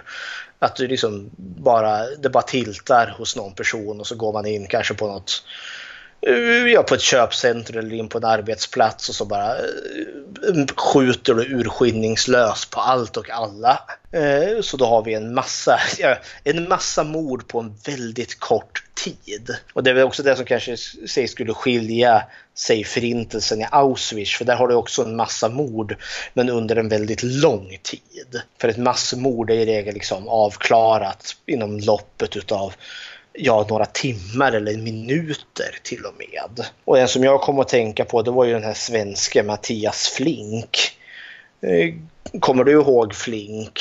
Alltså jag, jag, kommer ihåg namnet men det var så länge sedan jag läste om det fallet. Så... Jo, nej, men det, han gjorde ju, han begick det var ju massmordet i Falun där 94. Jag menar jag var 12 år när det här hände. Men Mattias Flink, alltså han var ju eh, soldat tror jag, han var yrkesmilitär i alla fall. Eh, och han får ju en alkoholutlöst psykos. Och eh, för han hinkar i sig mängder med sprit där då och eh, till slut så får, får han så olyckligt som så att han får en psykos där och han får ju för sig att Sverige har blivit invaderat. Så han hämtar ju sitt automatiska skjutvapen på sitt logement och så går han ju bara ut där i Falun tror jag det var och skjuter alla personer som han ser. Eh, och det resulterar ju med att han skjuter ihjäl eh, sju personer och skadar tre under sin liksom bärsärkagång där han liksom bara går eh, gata fram där då tills polisen stoppar honom. Och det är ju då ett massmord. Nummer nio, den här är kanske lite lurigare, men var eh, spree killing. Det är ett väldigt amerikanskt begrepp här, men spree killing. Vad tror du ett spree killing kan vara? Alltså då, det tar ju mig till skolskjutningar. Alltså att en, eh, en, eh, jag säger unge för det är ju faktiskt så att en unge ställer sig och har tagit något automatvapen, köpte svart eller vad som helst. Mm. Och sen ställer sig framför sina kompisar och bara skjuter. Ja, det skulle man ju kunna tro, men icke. Spree killing är också, jag tror inte riktigt att, eh, alltså det här är, nu är vi inne på amerikanska begrepp och jag tror inte att alltså det är juridiskt du kan dömas att du har begått en spree killing. Men eh, för spree killing kan vara väldigt likt ett seriemord. För då har du väldigt många döda under en lång tid. Men för det jag tänkte ta upp här som exempel är de kar som heter Andrew Conanan. Eh, som levde, eller ja, eh, som 1997 begick sexmord. Alltså att alltså, det var han som mördade den här, eh, ja, vad heter han nu, mordet på ja, Gianni Versace, modeskaparen Gianni. Och det man menar där då att Andrew Cunanan, han var ju, han hade väl drömmar på att bli någon fotomodell och att han skulle bli den här mm, ja, modell för den här Gianni Versace och hans liksom klädkollektion. Men hela hans liv var ju kantat utav motgångar och droger och allt vad det nu gick. Men för han har inget hem och han liksom får krascha hos sina, hos sina älskare tills de bara inte står ut med fanskapet och slänger ut den. Och då eh, tror man att han beslutar sig för att han ska mörda Gianni Versace för att han inte fick det här drömlivet som han fick. Men då måste han liksom ta sig, för Gianni bor ju i, bodde ju i Florida. Men han har en väldigt lång punkt som han måste ta sig till. Så han mördar utav nödvändighet. Han mördar sin, sin pojkvän där då, eller sin ex-pojkvän eh, och den pojkvännens nuvarande pojkvän och liksom tar deras bil och deras pengar. Men sen får han slut på soppa och då mördar han ytterligare en person och liksom stjäl den personens pengar. Och så tar det slut och så eh, mördar han ytterligare en person och stjäl den personens bil. För att lyckas ta sig då till Florida där han slutligen kan mörda Gianni och sen tar han ju sitt liv. Det är ju då skillnaden. Alltså seriemördaren hade ju det där liksom, han mördar kanske för njutningens skull, precis som du sa. Att jag mördar kvinnor som är blonda för de påminner om min mamma och jag ska hem på min mamma. Eh. Medans typ spree killing är så här liksom att du kanske mördar utav nödvändighet. Som Kunanan där då som behövde pengarna. En annan variant på spree killing är ju liksom eh, som en variant på massmordet också. Istället för att du liksom som Mattias Flink går gatan ner och bara skjuter på allt du ser eller som Anders Beren Breivik där på Utöja där han sköt alla ungdomarna. Kanske liksom som att du, du, du, skjuter någon där, så sätter du dig i bilen och så åker du till angränsande stad så skjuter du någon där. Och så åker du vidare och så tar du in på ett hotell och sover lite och äter hotellfrukost. Och sen åker du vidare och så skjuter du någon där. Alltså det är liksom som en slumpartad mord som egentligen inte har något vettigt motiv. Alltså du gör, det, det kan ju vara att du gör det för att det är kul. Ja, eller liksom att hela världen har bara tiltat för dig. ja, eller jag, jag joy killing eller liksom thrill for a kill eller vad man nu kan kalla det. Ja, men liksom, det, det finns inget uppenbart motiv med det egentligen. Men det, det är ju förvånansvärt likt ett seriemord också. Men det är en titel som har slängts ut, Spree Killing. Och sen då nummer 10, den är ganska självsägande och det är ju då en skolskjutning. och det var du inne på precis. Men vad tänker du när jag säger skolskjutning? Alltså jag får ju... Det behöver ju nödvändigtvis inte vara skolskjutning. Det kan ju vara som här i, i Sverige när han sprang in med ett svärd och ja. kniv. Och han hade väl ihjäl en lärare och en elev. Mm. På grund av det. Jag kommer, jag kommer inte ihåg när eller var. Men jag, jag för mig att det, han är Trollhättan där. Ja, precis. Eh, jag för mig att han också hade det. Och så skadade han väl några. Och sen vart han ju skjuten till döds själv. Ja, alltså det är många av de här som begår skolskjutningarna. När man, när man ser det på nyheterna så. De vill ju göra ett CS, C, SCP, alltså Suicide by Cop. SBC ja. blir det. Och det, mm. de, de kan alltså inte ta sitt liv själva utan de går och gör ett brott så pass illa att polisen får auktoritet att skjuta. Ja, och i regel, alltså för det, för det är ju liksom, vad är skillnaden på en skolskjutning och ett massmord? Vad är skillnaden att stå på torget och skjuta eller på en arbetsplats och skjuta? Det har väl just att göra för, med just att det är på en skola där och det är i regel liksom skolbarn som begår det. Men det är precis som du säger där att många av de här liksom ska gå ut guns blazing eller vad man nu kan kalla det. Att, att polisen ska skjuta dem till döds. Det är ju sällan det blir så för allt som oftast tar de ju sina egna liv.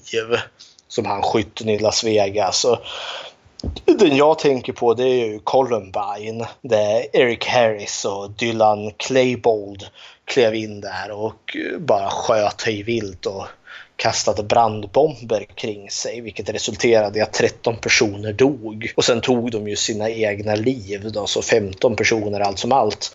Här kan det ju vara en sån skillnad liksom i själva motivet för många av de här brukar ju liksom vara eh, Alltså, personer som har varit utanför, liksom, kanske mobbade. Alltså, de har en känsla av att eh, någon oförrätt har drabbats dem och att livet då kanske är meningslöst och det finns bara lidande och skit. Så det är mycket så ilska, tänker jag, bakom de här skjutningarna. Det är liksom det är hämnden mot hela samhället på något vis och vänster och sen om de ändå så ska dö då ska de ta med sig så många som möjligt i i fallet. Det var väl det att båda de var ganska illa behandlade av klasskamrater mm. och andra skolkamrater. Jag, jag, jag, ska inte säga att fallet exakt var så, men jag Nej. vet att många av de här skolskjutningarna, även de i Finland, har varit utav personer som blir illa behandlade av eh, lärare eller andra elever. Jo, och många gånger, eh, jag menar, jag som är true crime-nörd har ju läst om lite om sådana här, inte för att jag är någon expert långt ifrån.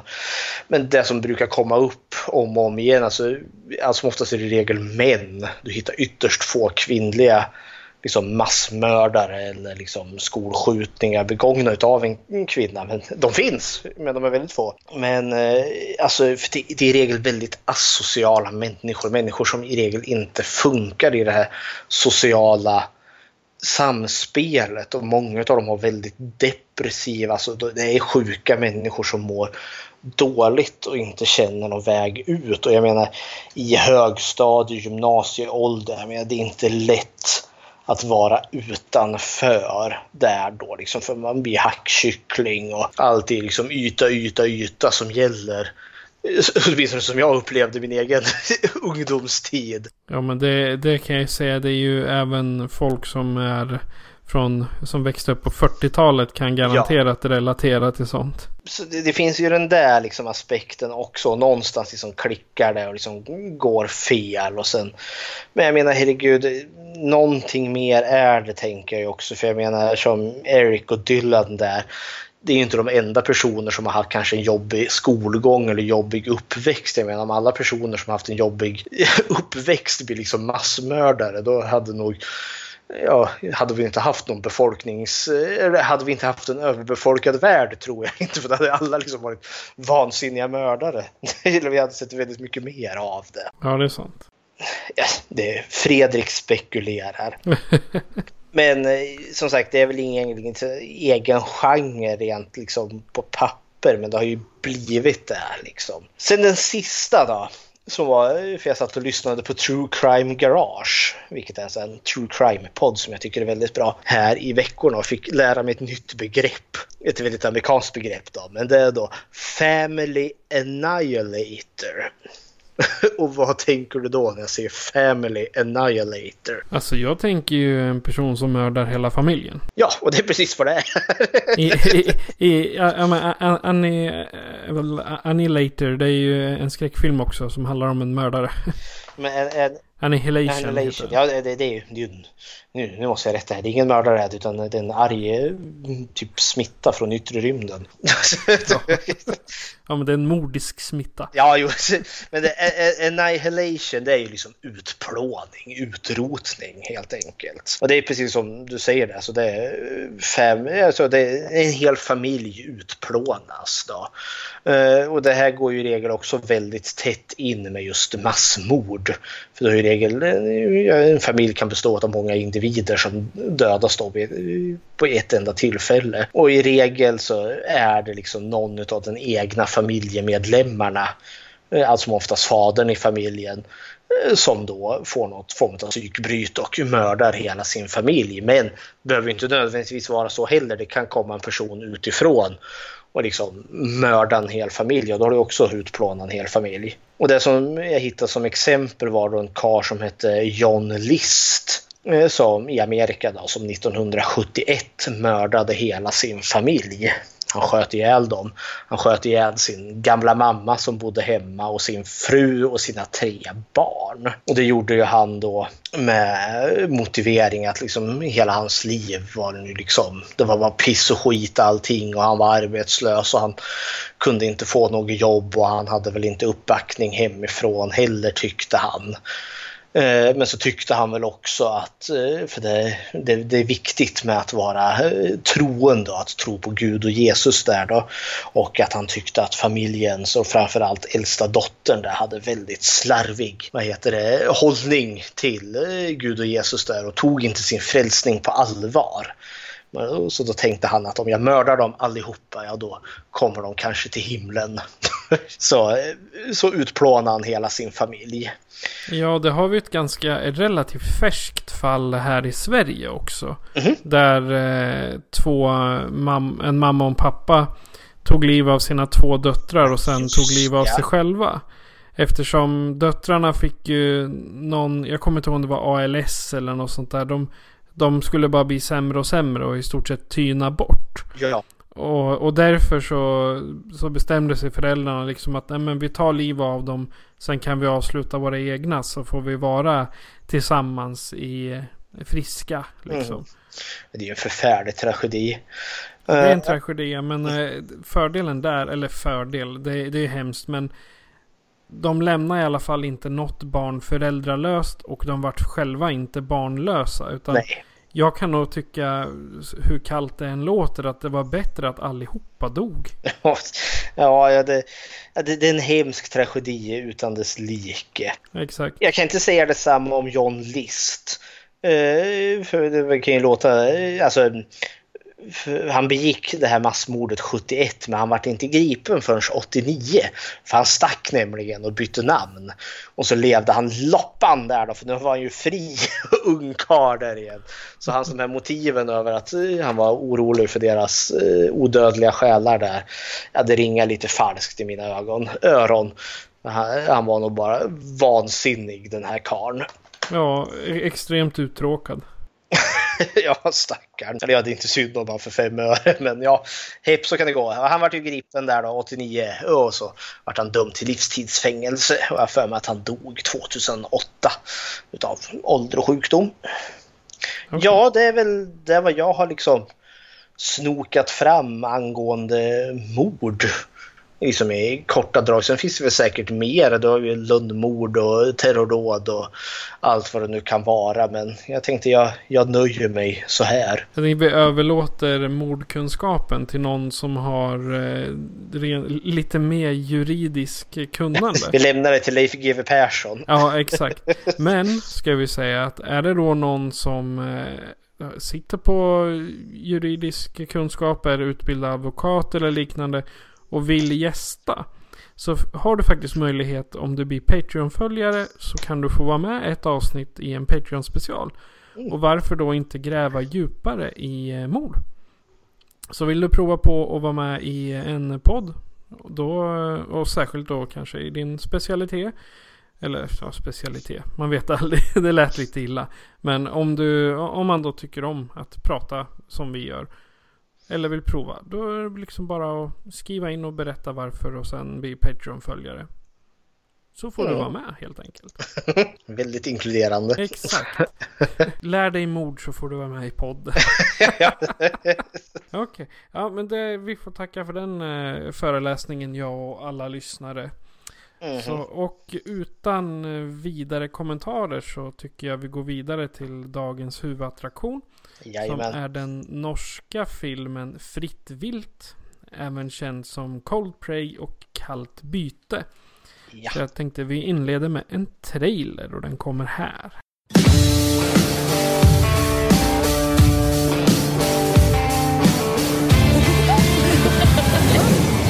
Blir det något på den dagen eller? Meg og hun er her. Vi har lovt hverandre evig troskap. Sex med den jeg liker best. Hva er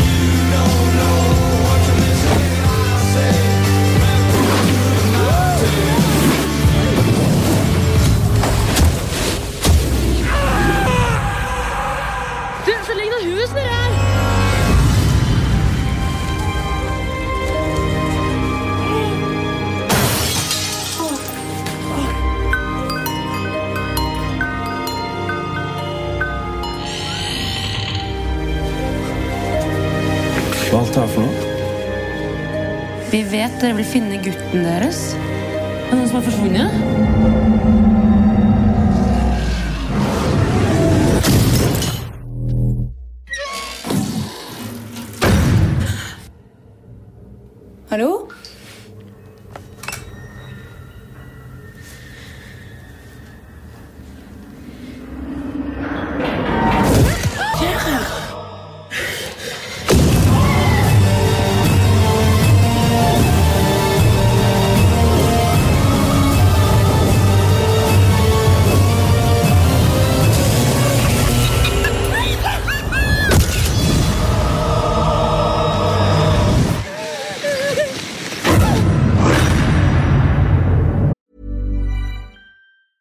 If you thought the only way to get a more defined jawline with natural looking results was through surgery, think again. Juvederm Volux XC is a non surgical injectable gel filler that improves moderate to severe loss of jawline definition and can help you achieve natural looking results with little downtime. Even better, this improved definition lasts up to one year with optimal treatment. No maintenance required. Improve jawline definition for a smooth, sculpted look with Juvederm Volux XC. For important safety information and to find a licensed specialist, visit juvederm.com. That's J U V E D E R M.com. Not for people with severe allergic reactions, allergies to lidocaine, or the proteins used in Juvederm. Common side effects include injection site redness, swelling, pain, tenderness, firmness, lumps, bumps, bruising, discoloration, or itching. There's a risk of unintentional injection into a blood vessel, which can cause vision abnormalities, blindness, stroke, temporary scabs, or scarring. Talk to a licensed specialist to find out if it's right for you. Burrow's furniture is built for the way you live.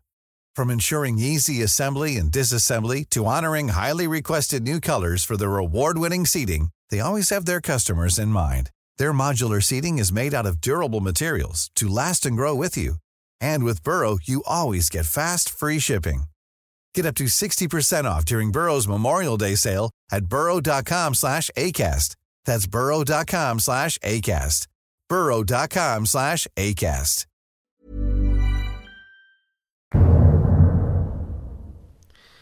Det som börjar som en fjälltur slutar som en kamp om livet.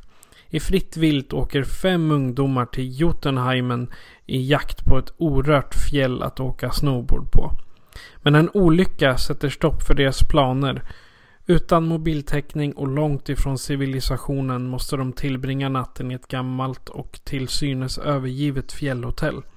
Under nattens gång blir de varse att det lurar okända faror på fjället och att de inte var så ensamma som de trodde. Det är alltså plotten till eh, Fritt vilt eller eh, som utgåvan jag har då Kallt byte. Jag frågar Fredrik varför valde du den här? Alltså, jag ska komma ihåg vad motivet var fem år sedan, det kommer jag inte ihåg. Men jag minns att jag hade sett den här innan, för jag hade precis den här tidiga DVD-utgåvan som också hette Kallt byte. Eh, och eh, såg den och varit jätteöverraskad. För själva omslaget till Fritt vilt eller Kallt byte är ruskigt vad heter det, generiskt. Det är väldigt intetsägande. Det är liksom, åtminstone den jag har och som jag tror Kallt byte också har, är ju liksom bara huvudpersonerna som står där och så är det en fjälltopp i bakgrunden.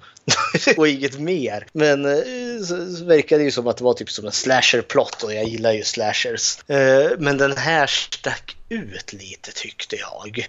För jag tyckte att eh, det är en slasher och samtidigt är det lite mer än en, din stereotypa slasher. Och jag var ruskigt underhålld rakt igenom och då tänkte jag att ja men det här är någon sån mellanting av en thriller och en slasher. Så eh, då kan jag nog visa den för folk utan att skämmas allt för mycket. Och det jag kommer ihåg att de flesta var väldigt nöjda med den. Så det var anledningen till varför jag har valt eh, Fritt vilt. Ja, okej. Okay. Eh, jag, jag kommer ihåg det. Tema att det var mördare som föreläsning till Fritt vilt, det passade ganska bra. Mm -hmm. För man, man kunde ändå förstå den här eh, mördaren då. Alltså det, hela Fritt vilt spelar ju på att det är en mördare. Så det, det är ingen spoiler så. Men eh, alltså att få med de här eh, orsaker och typer av mord Det var Mm. ju sen faktan man kunde applicera på själva händelserna i Fritt vilt. Ja, för ja, ska, ska vi börja från början när det kommer till filmen? Det är väl Ja. inte praktiskt. Och sen ska jag säga också, har ni inte sett filmen, pausa, se den. För vi kommer spoila en del. Eh, ja, ganska mycket. Vi kommer spoil, spoila hejdlöst. Exakt, så att se den eller så, så lyssnar du på vårat babbel och, och ser den efter. Med Mm. dina kritiska ögon. För det, eh, den börjar ju lite så här lätt eh, kryptiskt. Och vi får se en pojke där då som, hur gammal kan han vara? Typ 12, 13, 14 eller något sånt där. Han har ett, och han har ett väldigt tydligt typ så här solmärke, brukar det kallas det. Han har ett stort födelsemärke som typ täcker ena ögat. Eller storkbett eller vad man brukar kalla det. Och han blir jagad utav någon okänd, eller vi får, får inte se utan det är den här klassiska vi ser typ kanske säg ur, ur kamerans perspektiv som att det är det som jagar honom och så faller han ner i en i någon dalsänka där. För det är ju, det är ju typ knähögt med snö där. Och sen verkar det som att den här personen som jagade honom dit håller på att knuffa ner en massa snö på honom för att typ begrava han levandes. Och sen bara klipper det därifrån till Eh, någon, eh, ja till, till titelscreenen då. Alltså där eh, alla namnen på de som skådespelar och filmens titel och alla som har arbetat med den dyker upp. För det tyckte jag var effektfullt för då kommer det liksom in, man hör liksom som en nyhetsröst som pratar om att liksom, ja i varje år så åker typ en tredjedel av Norges befolkning ut på skidor upp i fjällen och så får man se, liksom, se kommer det in liksom tidningsklipp, det står liksom par försvann ute i, i fjället och liksom vi letar efter några tonåringar som har försvunnit i fjället och, och det, bara, det bara regnar in med liksom artiklar över personer som kan ha försvunnit i fjället. Ja, fast det, det, det liknar lite intro till Dawn of the Dead. Där Mhm. när ny, det är både gamla och nya filmen att det är nyhetsreportrar som pratar att ja, folk har börjat gå igen och det är militären ut och hej och hå. Mhm. Fast i det här fallet då att eh, det är folk som har dött och försvunnit och blir räddade. Mm. Ja, för det är väldigt fokus på att liksom folk har försvunnit. Man har inte hittat en enda liksom. Man har inte hittat liken eller något. Men, och, och jag gillade musiken som gick då mer eller mindre. Men sen, sen liksom direkt därifrån liksom så klipper det ju till våra fem huvudpersoner där då. Eh, och det är som då kommer åkandes i en bil i det här liksom snötäckta bergslandskapet eller fjälllandskap är det väl kanske. Och eh, de heter ju då Eh, jag ska försöka mig på norska uttal här. Eh, det är Eirik och det är Mi- Mikael, eh, Mårten Tobias, Ingun och Jannike. Eh, och, så, och då är det ju då Eirik och Jannike är ju ett par och Mikael och Ingun är ett par och Mårten Tobias är ju typ tredje hjulet där. Femte hjulet. Femte hjulet till och med. Och eh, för de sitter ju där och håller på att liksom typ kompisgnabbar lite i bilen där. Och det är någonting som eh, åtminstone jag eh, hajade till ganska direkt att ganska tidigt så börjar jag, börjar jag tycka om de här karaktärerna. För jag, de- de känns äkta på något vis. Alltså, De lyckas. Jag, jag, jag tror att det här är ett kompisgäng som liksom finns på riktigt. För jag tycker många slasherfilmer gör gärna problemet med att du levererar en jättestor ensemble utav karaktärer för att du ska ha en hel uppsjö olika mord. Man säger så du ska helst ha ett mord var femte minut ungefär. Men här är det liksom de här fem personerna. Du kan liksom inte ha ett mord vart femte minut, ett mord var femte minut för då är filmen slut på 25 minuter. Nej men det gör liksom att direkt så känner jag liksom att jag tycker om de här karaktärerna. De är trivsamma att titta på. Jag gillar det här liksom, eh, liksom eh, heter det, retsamma men kärleksfulla typ eh, gnabbet de har sinsemellan. Vad tyckte du om filmens karaktärer? Alltså jag har ju den, min, min favoritkaraktär är ju faktiskt The Final Girl. Mhm, jo men... Ja, hon, Jan- det- vad är hon heter? Hon heter Jannik, ja, Ingrid Bolsö Be- Berdal. Eh, är ju namnet på skådespelerskan. Men Och för, alltså, att vara, och för att vara en final girl så är hon en jäkligt bra final girl tycker jag. ja, hon, är, alltså, hon är ju den här liksom Fuck you, mörda dig, jag ska hugga huvudet av dig. Hon, hon slår ju verkligen tillbaka.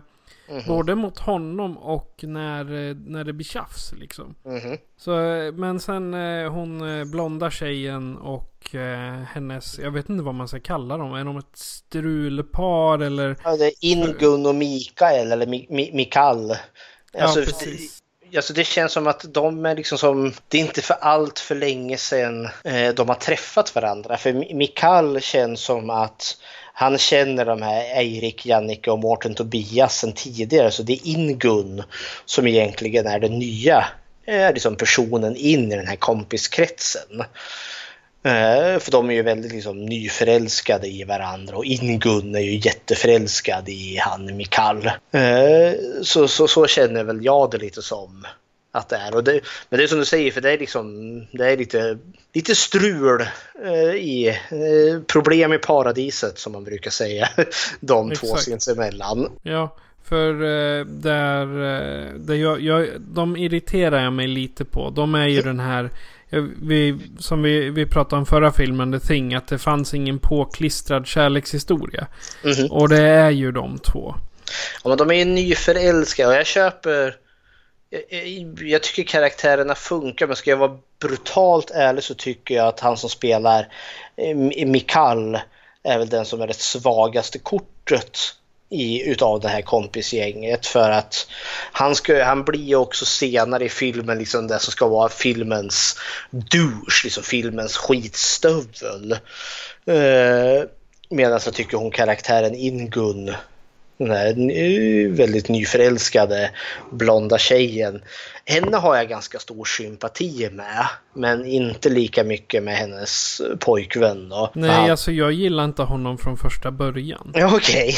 Så han var, han var liksom, det märktes på honom att han var så här bara, ja men herregud vad ni är, bla bla bla, så här, du vet de här eh, som, som är så egoistiska, e- egocentrisk menar jag. Han, han, har, en- han har en lite stöddig attityd helt klart. Ja precis, och det, det är jag som är rätt och det är mig ni ska bry er om och baha baha. Sådär. Men eh, de har ju åkt ut i, så vitt jag fattar det, för han Eirik. eh, De är ju, han är en sån eh, snowboard eh, fantast eller de- är väl alla där mer eller mindre så vitt jag tolkar det. Ja det är de. Eh, och har gjort någon poäng av att de inte åkt till någon sån här turistattraktion där du har liksom hotell och skidlift och allt vad det är. Utan nu ska de verkligen i, i fri vildmark här liksom orörda landskap. Och så kämpar de iväg där. Och, det var, och så hit kommer de ju till de här liksom fantastiska snölandskapen. Och det, det var något som slog mig också, liksom att eh, det är väldigt liksom naturvackert tycker jag. Plus också att den utspelar sig på vintern. Det är väldigt få liksom, skräckfilmer tycker jag som utspelar sig på vintern. Vi hade ju The Thing ganska nyss, det är ju på Antarktis där, evig vinter. Men alltså det, för jag tycker att eh, slasherfilm överlag skulle göra sig väldigt bra i vinter. Jag skulle kunna tänka mig en ny fredagen den 13 som utspelar sig på vintern när det snöar. Ja. Camp Crystal Lake, det skulle vara något. Ja e- exakt, det, det skulle ju vara mer effektfullt med, med tanke på att när det är vanlig sommar då syns ju inte blodet lika bra. Nej. Men är det då, är det då snö och Jason går fram och kapar halsen av någon då, och så blir det de här klassiska, det sprutar jättemycket. Mhm. liksom, som det egentligen inte gör men eh, typisk slasherfilm. Ja, jo, då ska det blodet stå i fontän. Ja exakt, det ska liksom vara en vattenspridare av blod. Men då, det skulle bli så mycket mer effektfullt efter ett mord då. Men så de far ju där då i, vad heter det, orörd terräng. Och sen är det ju han Mårten Tobias som är lite av den här, the comic relief guy. Eh, och han, han faller ju och bryter benet. Han bryter ju bokstavligt talat rakt av också. Ja, jo, det sticker ju ut en benbit där, ganska groteskt. Eh, uh, och där fick jag någon bild över liksom att, uh, jag vet inte om det bara är Jannike, om hon är liksom, hon håller på att utbilda sig till sjuksköterska eller doktor eller något. Men, för det var något jag var tvungen att notera, jag har ju sett den här några gånger, men nu när, när man ser om inför de här avsnitten så sitter jag ju för anteckningar. Ibland ser man saker man inte har sett förut. Jag tänker mig när, när Mårten Tobias har brutit benet där, hur pass duktiga samtliga karaktärerna är liksom för att kunna liksom spjälka ett eh, brutet ben. Eh, och jag gillade det och återigen till varför jag gillar den här karaktärerna, till och med inom eh, viss del skitstöveln Mikal där, är just att de hanterar situationen på ett sätt som ja, men det, det känns bra. Det, det, är inte den här liksom, det är inte vrål och skrik och liksom stora jävla egon som bara liksom vrålar och tänker på sig och sitt eget utan samtliga där sluter upp för att hjälpa Mårten Tobias. Alltså, när jag, jag fick ju känslan av att de är rätt så vana vid att vara ute i, ja. miljö, alltså i miljö. Jag menar de är vana vid bergen, de är vana vid att gå i skogen.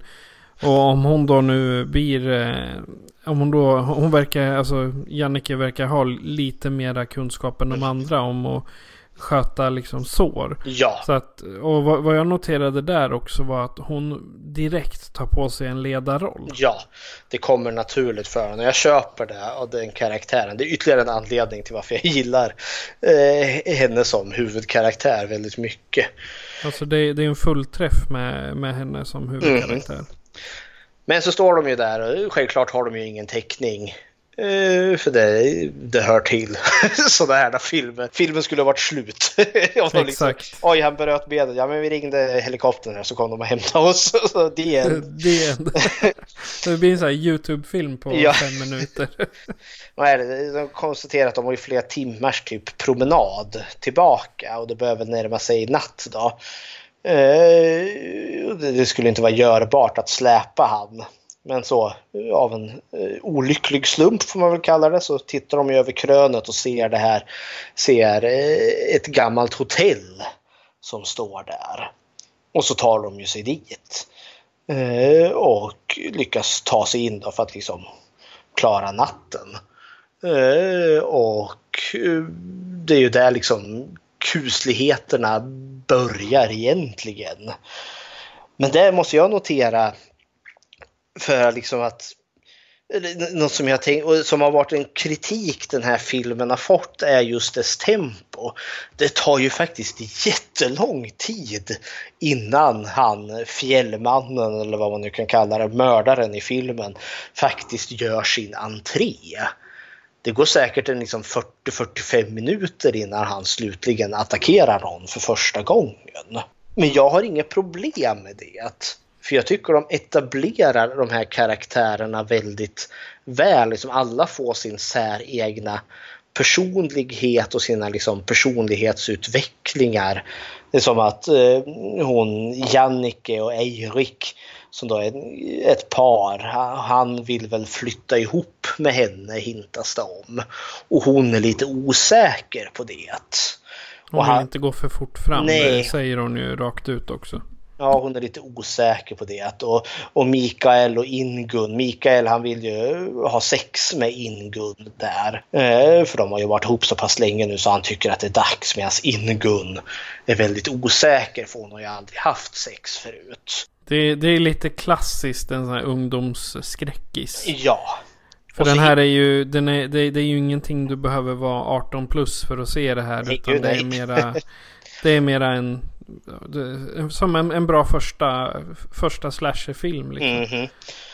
Och han Mårten Tobias, han som bröt foten där, förstår man ju också att han är ju, han är ju också väldigt förälskad i Jannike. Men har väl ingen chans där eftersom att hon är ihop med Eirik. Eh, och det gillar jag för det här hittar, eller hittar och hittar, alltså, sällan att man får liksom eh, för jag menar de här karaktärerna är ju kanonmaten. Det är ju de som ska bli mördade under filmens gång utav den maskbeklädda mördaren. Och det är ju sällan vi får liksom så liksom väl utvecklade karaktärer, tänker jag. För allt som oftast, är typ, ta den typiska fredagen den 13 film. Ibland kan ju liksom karaktären som ska mördas liksom introduceras i samma scen som mordet senare begås i. Ungefär liksom att eh, det, det, jag heter Billy Butt och jag är här och jag är dum och så kommer Jason där, hugg! Liksom. och, så, och så var det slut med det.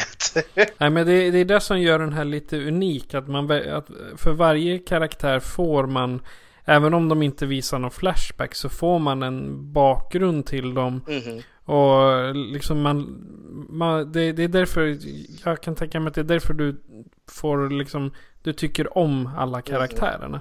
Och jag tycker de, de är väldigt bra utvecklade även fast jag har så här, jag, jag tycker inte om alla jättemycket.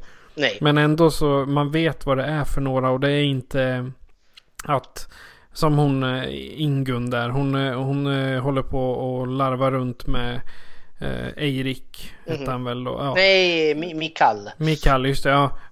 Hon håller på att larva runt med honom. Jag menar, hade det här varit en fredag den 13 då hade de liksom åkt på den när de ligger bredvid varandra i sängen. Men Ja, sket det genom båda två. Jajamensan. Nej, men det är till, till och med skitstöveln Mikal där. Alltså, han är tillräckligt nyanserad för att inte bara vara den här stereotypa liksom, rövhålskaraktären. Även om man nu får den ganska Liksom, han blir ju den karaktären eh, under filmens gång. Men han har liksom mer personlighet än att bara vara liksom the douche. För jag menar, som i nyinspelningen utav, eller remaken utav Fredagen den 13 som kom 2009 va? Eh, där, där, liksom, där har du ju han den här rika snobben. Alltså han är ju en skitstövel från början till slut och har inga, absolut inga nyanserade drag till sig. Medan Mikal här då liksom är ju ändå så, han är en trovärdig person som senare kommer att göra lite olyckliga val. och det är väl därför jag gillar eh, den här så vansinnigt mycket. för det är så, jag behöver inte morden för karaktärerna är så pass intressanta i sig. Men jag kan också förstå kritiken att man tycker att den här filmen kryper på alldeles för långsamt innan ja, morden börjar. Men det är också, alltså i början när man, eh, när de kommer dit, visst det, det är så här klassisk skräckfilm. Ett övergivet ställe men som ändå är i relativt gott skick. Mhm. Det ser ut som någon har tagit hand om det, Ja. fast kanske inte så här. Det, det är lite som eh, Crystal Lake när i eh, Never Hike Alone. Mm. Jag menar det ser ju bra ut fast det är slitet. Mhm. Och jag, jag fick ju lite flashbacks till Never Hike Alone hela tiden. Även fast den kom efter Fritt Vilt. Så förmodligen är det väl hämtat lite här och varifrån med, med inspirationen. Men just, eh, just det här att eh, när de kommer dit så, och han, där är ju han Eirik då, duschen. Han är ju faktiskt lite produktiv där när han säger jag ska gå och leta efter generatorn. Ja, men det måste jag säga, Och han det, går det, och det är. Mikael som är duschen. Ja Mikael, alltså herregud. Jag, alla Erik är duschar och alla Mikael är. Alla är douche. Ja exakt. Ja. ja men det är som sagt, jag gillar bara Jannike ordentligt. Ja, ja. nej men det är ju... mm, Det var något jag tänkte på också just när du nämnde liksom att det är nedgånget men i bra skick. Eh, för att vara, för det ska ha varit övergivet ända sedan 1975. Och filmen är gjord 2006 så jag antar att den utspelar sig där så den har ju stått övergiven i ja, li, lite mer än 30 år. Uh, för jag tänkte det på just med generatorn sen som de hittar och drar igång. Att där, om hade de varit lite liksom eh, smartare där så borde de kanske reagera tänker jag för hur att en sån gammal generator fortfarande skulle funka. Eller att det ens finns bensin till den. För de hittar ju dunkar där. En annan kunde ju tycka aha det är ett stort jäkla plot hole. Men det har du ju en förklaring för mördaren bor ju där i källaren. Han, han är ju den som håller efter. Och den där bensinen har väl han stulit någonstans ifrån. Så Ja, för alltså bensin för, förångas ju. det gör ju Det är inte, alltså den här grejen att eh, i zombiefilmer att de kan gå och slanga ur vilken bil som helst. Det, så, nej, men det stämmer inte för till slut då liksom, det är som att koka vatten. Det, det, det försvinner till slut. Ja, liksom, det beror ju på. Det är som typ i början på The Walking Dead.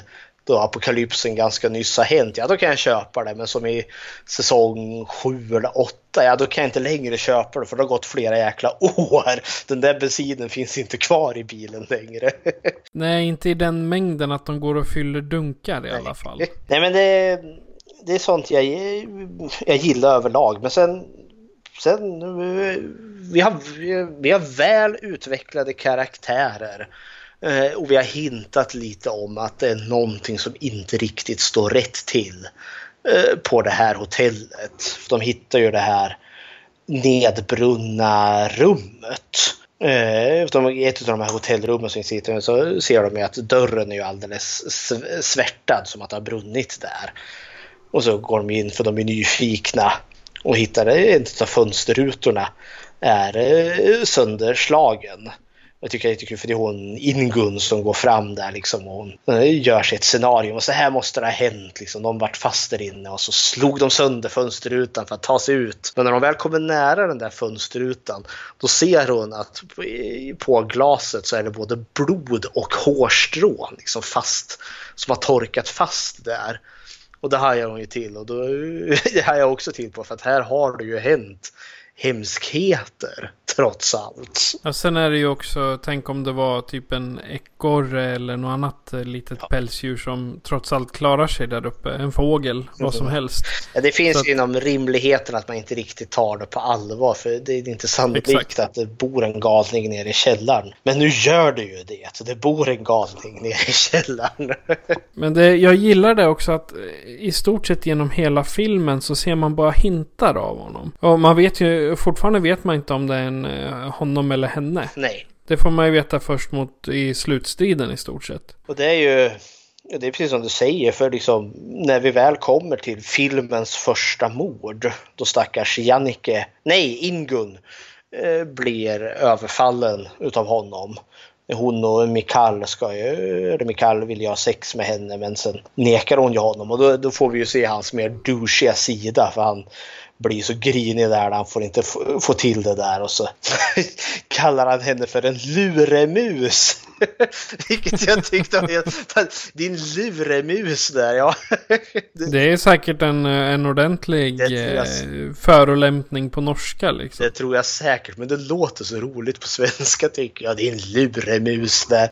Ja. men eh, och han sticker ju iväg därför att eh, mopa någonstans. Och då dyker ju han fjällmannen upp eh, och attackerar henne med sin stora typ stenhacka eller vad det nu är han har. Det är en uh, ishacka. En det är en enorm, för jag kommer ju tänka på typ mördaren i My Bloody Valentine, för han har ju också något liknande hackaktigt. Han har ju som eh, sten, stenhacka ja. eller för att, för att hacka bort kol. Ja, och den här fjärde mannen har någon jättestor ishacka istället ser det ut som. Ja, precis. För den är, det är ju för att du ska kunna både eh, haka dig fast i isen hålla dig fast mm -hmm. och sen att kunna hugga bort. Så det är ju ett multiverktyg egentligen. Okej. Okay. Ja, för den har ju också skaftet visar sig. Det, det, är som ett, det fungerar ju nästan som ett spjut också. Ja, det är den du, du sätter fast den någonstans. Mm. Jag tror till och med man ska kunna sätta fast en lina i den. Ja, okej. Okay. Ja, för, det, för hon blir ju attackerad och eh, han jagar ju efter henne och hon eh, ja, hon blir ju mördad där rätt, rätt och slätt. Jag tänkte just så, vi får knappt se fjällmannen där. Han dyker ju upp liksom lite snabbt så att vi ser att han finns där i bakgrunden och så ser man när han hugger. Men han hålls fortfarande utanför bild så vi får mest se hans fötter eller så ser man nu hans perspektiv, hans hand som håller i den här ishackan. Och så blir ju hon mördad eh, där. Och så tänkte jag också, för återigen så för, sen går den ju in lite som att efter det här mordet har skett hade jag tänkt att nu, nu, nu kickar filmen igång här. Nu kommer morden hagla här och de jagas till höger och till vänster. Inte ens då börjar den ta fart utan den smyger vidare lite till en av det som är min favoritscen i hela den här filmen. När, för hela den här filmen. För Eirik, han, nu, det har blivit morgon. Eh, och Eirik ska skida iväg till bilen där då. Han ska vara hjälte. Han ska vara hjälten där. Eh, så han ska kunna få täckning så de kan flyga dit någon så de kan flyga därifrån. Eh, men han blir ju överfallen utav fjällmannen där. Eh, men då är det ju vad är det, Mik Mikal och Jannike är ju, är ju kvar och Mårten Tobias ligger och sover på soffan. Eh, de beger ju sig iväg för att, vad är det, jag, jag, lamporna börjar blinka så generatorn håller på att ge upp. Ja, precis. Och då kommer de ju ner där och så hittar de ju, ja, hittar de ju mördarens håla, rätt och slätt. Ja, de hittar ju ett eh, hemligt rum alltså. Ja, som han har gömt bakom massa bråte där. Ja, och då när, när jag såg det rummet då fick jag lite så här Jason och hans mamma-altare. Ja, Eh, I och med att jag menar, det, han har ju en hel del prylar på de där hyllorna. Han har ju det. Och det är det, som, för det här som är min favoritscen. För först går de ju in där. Det är liksom en smal korridor som leder till ett annat rum där. Och det är bara belamrat med prylar. Och först tycker de det är lite kul. Mikael hittar någon mössa där från något eh, OS-olympiaden 94. Och hon Jannike hittar någon, eh, några fräsliga solglasögon. Men så kommer de in då i det här rummet som också bara fullt med prylar. Och till en början verkar de inte tänka så mycket på det, men då hittar de ju det här utklippet där de förstår att hotellet har varit nedstängt sedan 74. Men då hajar de ju till för den där mössan är ju från 94. Och så hittar de bilnycklar till liksom, ja, bilar som garanterat inte fanns. Eh, ja, 70, 75. Och så råkar ju hon välta en låda så faller de omkull och så bara ramlar det ut en massa vigselringar. Och då inser de ju att det här är någonting jäkligt, jäkligt skevt. För där tycker jag, det är min favoritscen. För då, då ryser jag, för då liksom nu börjar de förstå att någonting är seriöst fel. Och jag tycker de gör det så snyggt. Istället för att liksom bara hotet plötsligt dyker upp och viftar med ishackan i deras ansikten så börjar de liksom sakteligen förstå bara utav prylarna som ligger där som från personer som han antagligen har mördat och stulit ifrån under alla dessa år. Nej, den tycker jag var krypig. Ja, och i och med att eh, när de väl är där så börjar ju den musiken som för det första är extremt underbar. Det är Mhm. väldigt effektfull musik. Eh, Ett minus däremot är att musiken ibland tar över konversationerna. Ja, jo tack. Så man hör inte vad de säger helt. Utan, men man, man, man förstår vad som är på väg att hända på musik. Men för sen, sen går ju liksom, om man nu ska hävda liksom att, eller jag skulle kunna hävda, eller jag hävdar, att första halvan av den här filmen är verkligen som karaktärsstudium och karaktärsutveckling. Så är andra halvan det som blir skräckfilmen. Då skräcken går igång. För efter att de har varit nere där eh, i mördarens håla och börjar ana oro eh, så går de in Eh, till Inguns rum eller där hon blev mördad och öppnar och så ser de ju allt blod som finns där. Hon finns ju inte där men blodet finns där. Och det är då liksom allt drar igång på riktigt. De försöker barrikadera sig där inne där och han mannen blir mer och mer synlig och mer och mer aggressiv. Får man väl kalla det. För att Ja, han ska- försvarar ju sin, sin, eh, vad ska man säga, sin perimeter. Alltså Mm. sitt, sitt område. För eh, om han då har varit eh, ensam där sedan han var 12. Mhm. Så då, då är det nästan lite som i Mama, som döttrarna. Att liksom de, eh, de har blivit förvildade. Och i Mhm. hans värld så finns det bara att ingen ska röra mitt hotell. Nej, jag tror aldrig. Han, han mördar för nödvändighetens skull. För jag tänker om man skulle gå in på den där.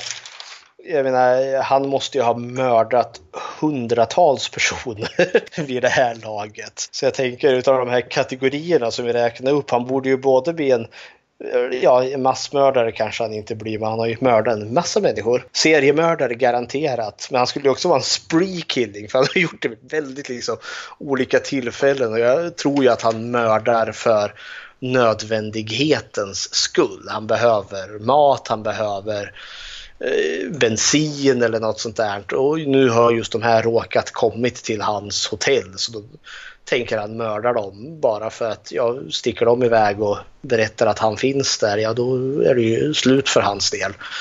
Och så tror jag bara att det ligger i hans natur att mörda överlag.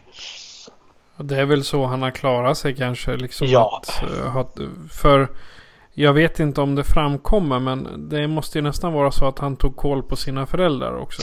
Jo, det, det framgår senare i, i uppföljarna där då. Att Ja. han, för det är spoiler alert, den här pojken som man såg i början som håller på att bli begravd i snön. Det visar ju sig att det är ju hans föräldrar där då som försöker mörda honom och att det är antagligen där då som det är, för, för det är ju pojken som är den här fjällmannen. Eh, Och att någonstans där efter det mordförsöket på honom så har väl han blivit vansinnig helt enkelt och levt som något, eh, ja, förvildad ute i skogen där då. Och det, det påminner ju väldigt mycket om fredagen den 13 också då. Jason Ja. påstås ha drunknat i sjön. Men eh, så finns ju tanken där att han gjorde inte det och så har han levt i skogen som någon vild man där då tills, ja, tills han vart stor och vuxen och kunde börja mörda folk. Jag tror att det är lite av en hyllning också. Jag misstänker det. den, Alltså den, den principen, precis som eh, rummet eh, två... eh, Vad sa vi att det var? för rum? 237. 237 ja. Jag tror det är. Ja exakt, att det är en liten eh, hint att bara att The Shining. För det är också samma, samma koncept. En psykedelisk mördare, eller i The Shining är han ju psykiskt sjuk, nissen. Men samma, samma princip, att det är någonting mordiskt som skyddar sin, sitt, sitt revir.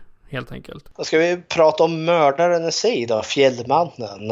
Uh, han benämns ju, han får, har ju inget namn men i, vad heter det, eftertexten så nämns han som Fjällmannen. Vad, Ja. tyckte, vad tyckte du om själva designen på honom? Hur såg han ut? Hur fungerade han som mördare tyckte du? Alltså jag gillade hans eh, stil. För jag gillar den här eh, Jason, Michael Myers. Att de, de ser ut som, två, som tre maskiner bara som går. Och så när någon eh, liksom. Det, det är ju en scen där hon tar fram en papperskniv och försöker skada honom med den. Mhm. Han har djurhudar på sig. Då tänker Ja. jag liksom hur dum får man vara? Men då i alla fall så på, på så vis så, och han gör ju ingenting utan han bara typ vänder och går därifrån. Och sen att han är lång, han är bred och så är han jättestark liksom. Det är en, det är en, en maskbeklädd mördare tycker jag ska vara så. De, de ska Mhm. inte behöva springa efter offren utan de går bara. Och även om offren springer liksom eh, 150 kilometer i timmen så kommer han i fatt ändå. Han gör ju det, märkligt nog. Ja, det är ju samma med den här liksom. Han, han kommer alltid i fatt dem. Mhm. Ja, men jag, jag, jag gillar designen på den här mördaren. Eh, jag gillar också att han är tyst genom, ja men som, ja, men som Michael Myers och Jason och de här klassiska filmmonstren. Eh, för de, be, alltså, de behöver inte säga någonting för att vara hotfulla, för han är ruskigt hotfull i sig själv. Men han blir, han blir nästan mer hotfull bara av att han är tyst. Mhm. Eh, och jag gillar också liksom att han är en kraft att räkna med för han är ju stor som ett, ja som en, eh, stor och bred som en ladugårdsvägg. Eh, jag köper liksom att, att, att han är genuint farlig. Eh, för jag, jag skulle nog inte klara en närstrid med honom för han skulle nog bryta mig i två ganska lätt. Ja, men här då, då kommer vi precis som eh, Fredag den 13 remaken att han är ju så stor. Och det är som vi sa med, med Jason där att det är ju Derek Mears som spelar honom och han är gigantisk i kroppsform. Men det, det är samma med Fjällmannen här, eh, Rune Mellby här är det som spelar.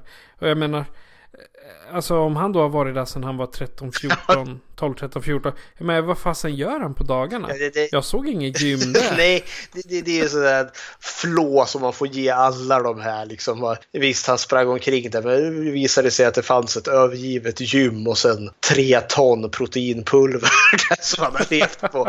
Nej, alltså ska man säga benhård så visst, okej, jag kan köpa att han kanske har överlevt på att typ plocka bär och eh, plundra, vad heter det, sommarstugor och sånt. Men han borde liksom, visst lång kan man ju bli. Det är liksom bara vad puberteten och dina gener säger att du kan bli. Men att han blir sådär bred axlar, han borde vara liksom senig och tanig egentligen. Han borde ju Men ganska sen- svulten kanske tänker jag. Ja men sen tänker jag också om han då hade så mycket troféer. Mhm. Som han har där. Men så, han får ju ändå träning. Det, det är ju inte så att du mördar en människa hur som Ja, helst. det du måste ju ha lite styrka. Med en kropp som är eh, död liksom. Den väger ju. Säg en människa som väger 50 kilo och är död. Då kan man räkna med en tyngd på 150 Och de, kilo. de gör ju en grej utav det för hon, Jannike där, eh, när de ska försöka ta sig därifrån så måste hon ju hitta någon, någonting som kan ta med sig Mårten Tobias för han kan ju inte springa för som att han har ena benet är ju brutet så hittar hon ju han fjällmannens kälke där. Och hon sliter ju och drar i den och den är alldeles för tung för henne så hon orkar den inte. Men i slutet där då när alla, de här, när alla fem personer ligger på kälken och han fjällmannen själv släpar iväg med den. Jag är också så jag tänker på att han är ju ofantligt stark. Eh, för då är det liksom inte bara kälken i sig är bevisligen tung, men så har du fem personer som ligger på kälken. Men alltså det, det gör någonting till. Alltså, jag måste nog nästan ha min film slasher-mördare att vara det här stora monstret, det här bredaxlade saken. Eh, För jag vet inte, jag hade nog tappat lite om Fjällmannen hade varit liksom eh, lång och smal. Jag vet inte varför, men alltså typ det här långa smala monstret det funkar bättre som i en film som Mama. Där du har det här liksom. Ja eller Slenderman. Eller Slenderman. Liksom. För här är liksom, han, han ska ju vara kraftfull. Liksom. Han hugger ihjäl sina offer med den här ishackan. Så ja, kära någon. Ja, jag, jag tyckte, vi, vi har ju dragit i stort sett hela Ja. filmen där. Eh, Men jag, jag tyckte slutstriden var lite för kort. Jag Ja. hade gärna sett en eh, fyra fem minuter till. Liksom den här katt och råtta-leken som hon har. Jag, jag, är, jag är helt med på spåret där. För jag, jag gillar hela uppbyggnaden till det när han håller på och släpar iväg dem. För han ska ju slänga ner de här kropparna i någon spri, spricka i isen där. Och vilket jag tycker är en riktigt så spännande scen. Vilket jag vill ge också fritt vilt att den tar sin tid på sig. Den bygger upp spänning. Hon ligger underst där på likhögen och han liksom hämtar ena liket efter den andra. Och tar dem till det här klippavsatsen och sparkar ner dem. Vilket han antagligen har gjort med alla andra personer han har mördat också. Så, så det, det är liksom bra uppbyggnad till det här. Men sen när de väl kommer då blir det som du sa, han hugger, hon hugger honom i halsen med den här ja, kniven som hon har lyckats fått genom djurhuden och allt. Ja. Men sen, sen är det, den där slutstriden är väldigt kort. För det är liksom en liten stund så står de där och brottas med hans ishacka och sen lyckas hon få fatt i den och sopar den i bröstet på han och sen sparkar till fanskapet så han ramlar ner i Slut. Slut. Det är dock en väldigt snygg scen tycker jag när han, för vi får ju följa när han faller ner där, liksom en inzoomning på hans ansikte och allt. För det är ju sättet hon lyckas besegra honom när de håller på och tjafsar med den, eller bråkar om den där ishackan så sliter hon ju av han hans skidglasögon. Och så blir han väl bländad av ljuset för han har väl inte tagit av de där glasögonen på mm, 30 år eller något sånt där. Nej, precis. Men det är väl... Eh, han, han, han, precis som Jason, skäms väl för sitt ansikte. Ja, jag tror att han har ju det där födelsemärket som typ täcker halva ansiktet på honom. Och det är ju då man förstår att det var pojken i början. Men nej, jag är helt med. Jag hade önskat lite mer där de hade fightats fram och tillbaka innan hon får övertaget på honom. För det känns lite, jaha, hepp. Det, det är alldeles för abrupt slut. Det är liksom. det. Men eh, det är, det är absolut ingenting som för mig skälper filmen totalt. Liksom. Så För ibland kan liksom en film vara skitbra fram till som är slutet. Så man känner, men vad fan, så man blir blåst på en hel film. Men jag tycker inte, eh, även om slutet är lite för kort, så tycker jag inte att det skälper fritt vilt. Nej, inte för fem öre. Ja, eh, har du någon eh, intressant eh, fakta? Nej, jag har inte satt mig in alls mer än att den har ju gått väldigt väl internationellt överlag. Det är det enda jag har hittat. Ja, okej. Eh, Jag kollar Roar Uthaug som är regissör. Han kom ut med Tomb Raider med Alicia Vikander förra året. Jaha, se där. Han, Jajamän. Han gick, eh, han, han har faktiskt lyckats väldigt bra eh, längre fram i sin karriär. ja, ja, grattis till Eh, honom. Ja, precis. Eh, 2008 så kom ju uppföljaren. Mhm. Och då vaknar Jannike upp på ett sjukhus som är tomt. Och mardrömmen fortsätter. Sån är plotten. Och Ingrid Bolsa Bergdahl som spelar Jannike. Hon fick senare roller i eh, Chernobyl Diaries, Hansen and Gretel Witch Hunters och Oh, Netflix-serien Westworld. Ja, oh, så där. Henne har också gått bra för då. Ja, hon, är- hon är den som är mest, eh, som har lyckats bäst utav alla skådespelarna. Mhm. Och sen då som vi nämnde med hotellrummet. Det ska enligt då det här user eh, vara en hyllning till The Shining. Mhm. Men som sagt, det är ju... Ja, det vet man inte. Och sen så har vi ju fått lite åsikter från Facebook. Än Mhm. en gång inte från eh, våran sida. Utan från en Facebookgrupp. Ingen som kollar på vår Facebook-sida. Jo då, jo då, några är det i alla fall enligt statistiken. ja, okej då. Ja, eh, och enligt Jens, han säger sjukt bra film. Det bästa i norsk väg. Även del två är riktigt bra. Del tre kan man spola. Och så Daniel då, han eh, säger kort och gott Skandinaviens bästa slasherfilm. Mhm. Eh, Daniel 2 har en lite längre åsikt. Han säger enligt mig var det fritt vilt som började vågen av riktigt bra norska skräckfilmer. Varför kan Norge och inte Sverige? Är det för att den norska filmindustrin vågar satsa på generfilm och inte bara på deckare och desk- diskbänksrealism? Tycker Norge ligger i framkant för skandinaviska filmer. Och Magnus han säger hatten av för Norge som gett oss fritt vilt och många andra sevärda filmer.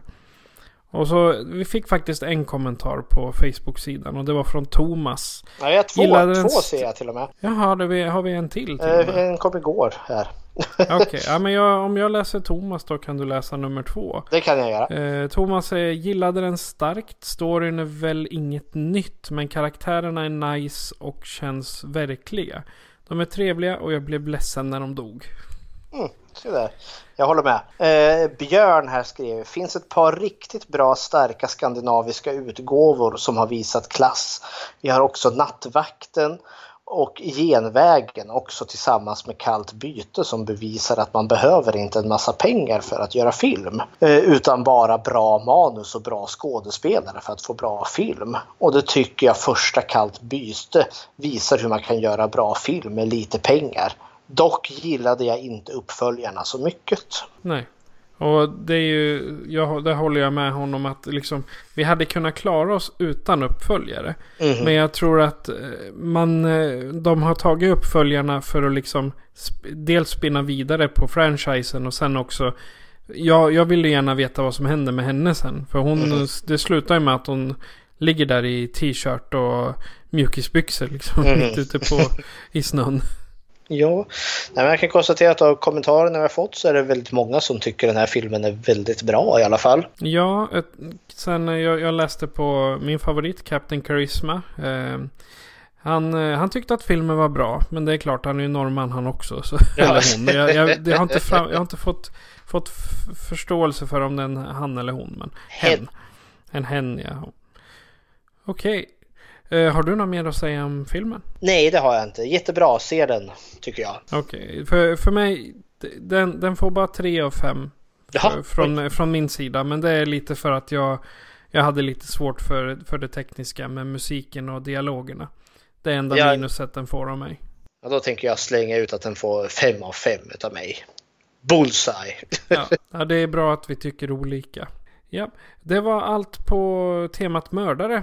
Mhm. Och eh, om du då har lite mer eh, åsikter eller om du bara vill ge oss lite glada nyheter så kommer lite info om hur du kan kontakta oss här. Skräckfilmscirkeln tillhandahålls av Patrik och Fredrik. Patrik är producent. Gå in på skräckfilmscirkeln.com för att hitta hur du kan ta kontakt med oss och var du kan lyssna på oss. Lämna gärna ett fint betyg på iTunes när du har lyssnat på ett avsnitt så fler kan njuta av våra diskussioner. Bli en följare på Patreon för att stödja oss och få tillgång till exklusivt material och en chans att vinna filmen vi pratar om varje avsnitt. Tack för att du lyssnar. Och Fredrik, vad ska vi ha för tema nästa program? Då, blir det, då kommer djävulen och besätter oss.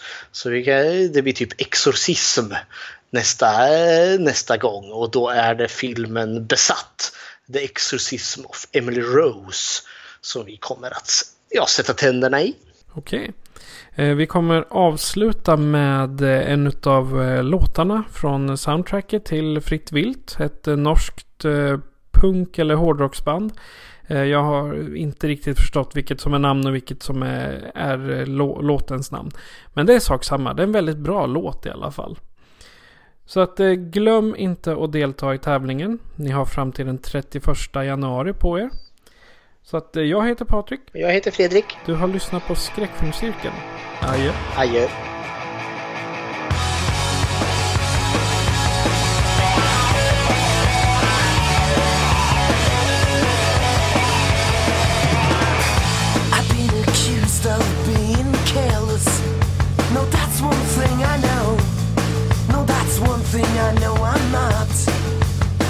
You know that. Though my attractions far above your head, doesn't mean that. Doesn't mean were not good for nothing. Now I got people Välkommen till Skräckfilmscirkeln. En eh, Patreon special som, eh, som vi har valt att kalla för Simons val. Och eh, Simon är ju alltså våran enda följare på Patreon just nu. Han har valt en film som heter Mr Jones och den är från 2013 och otroligt obehaglig. Coming up of got nothing to say,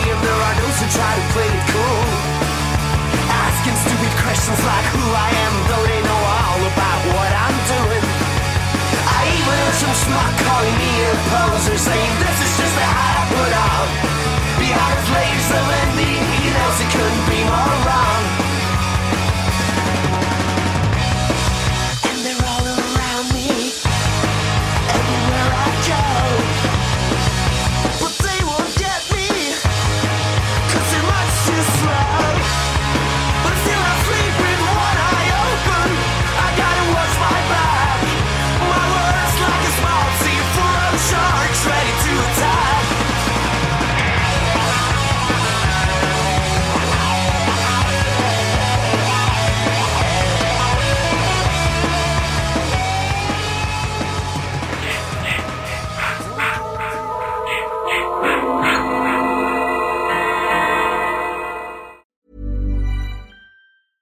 Even when we're on a budget, we still deserve nice things.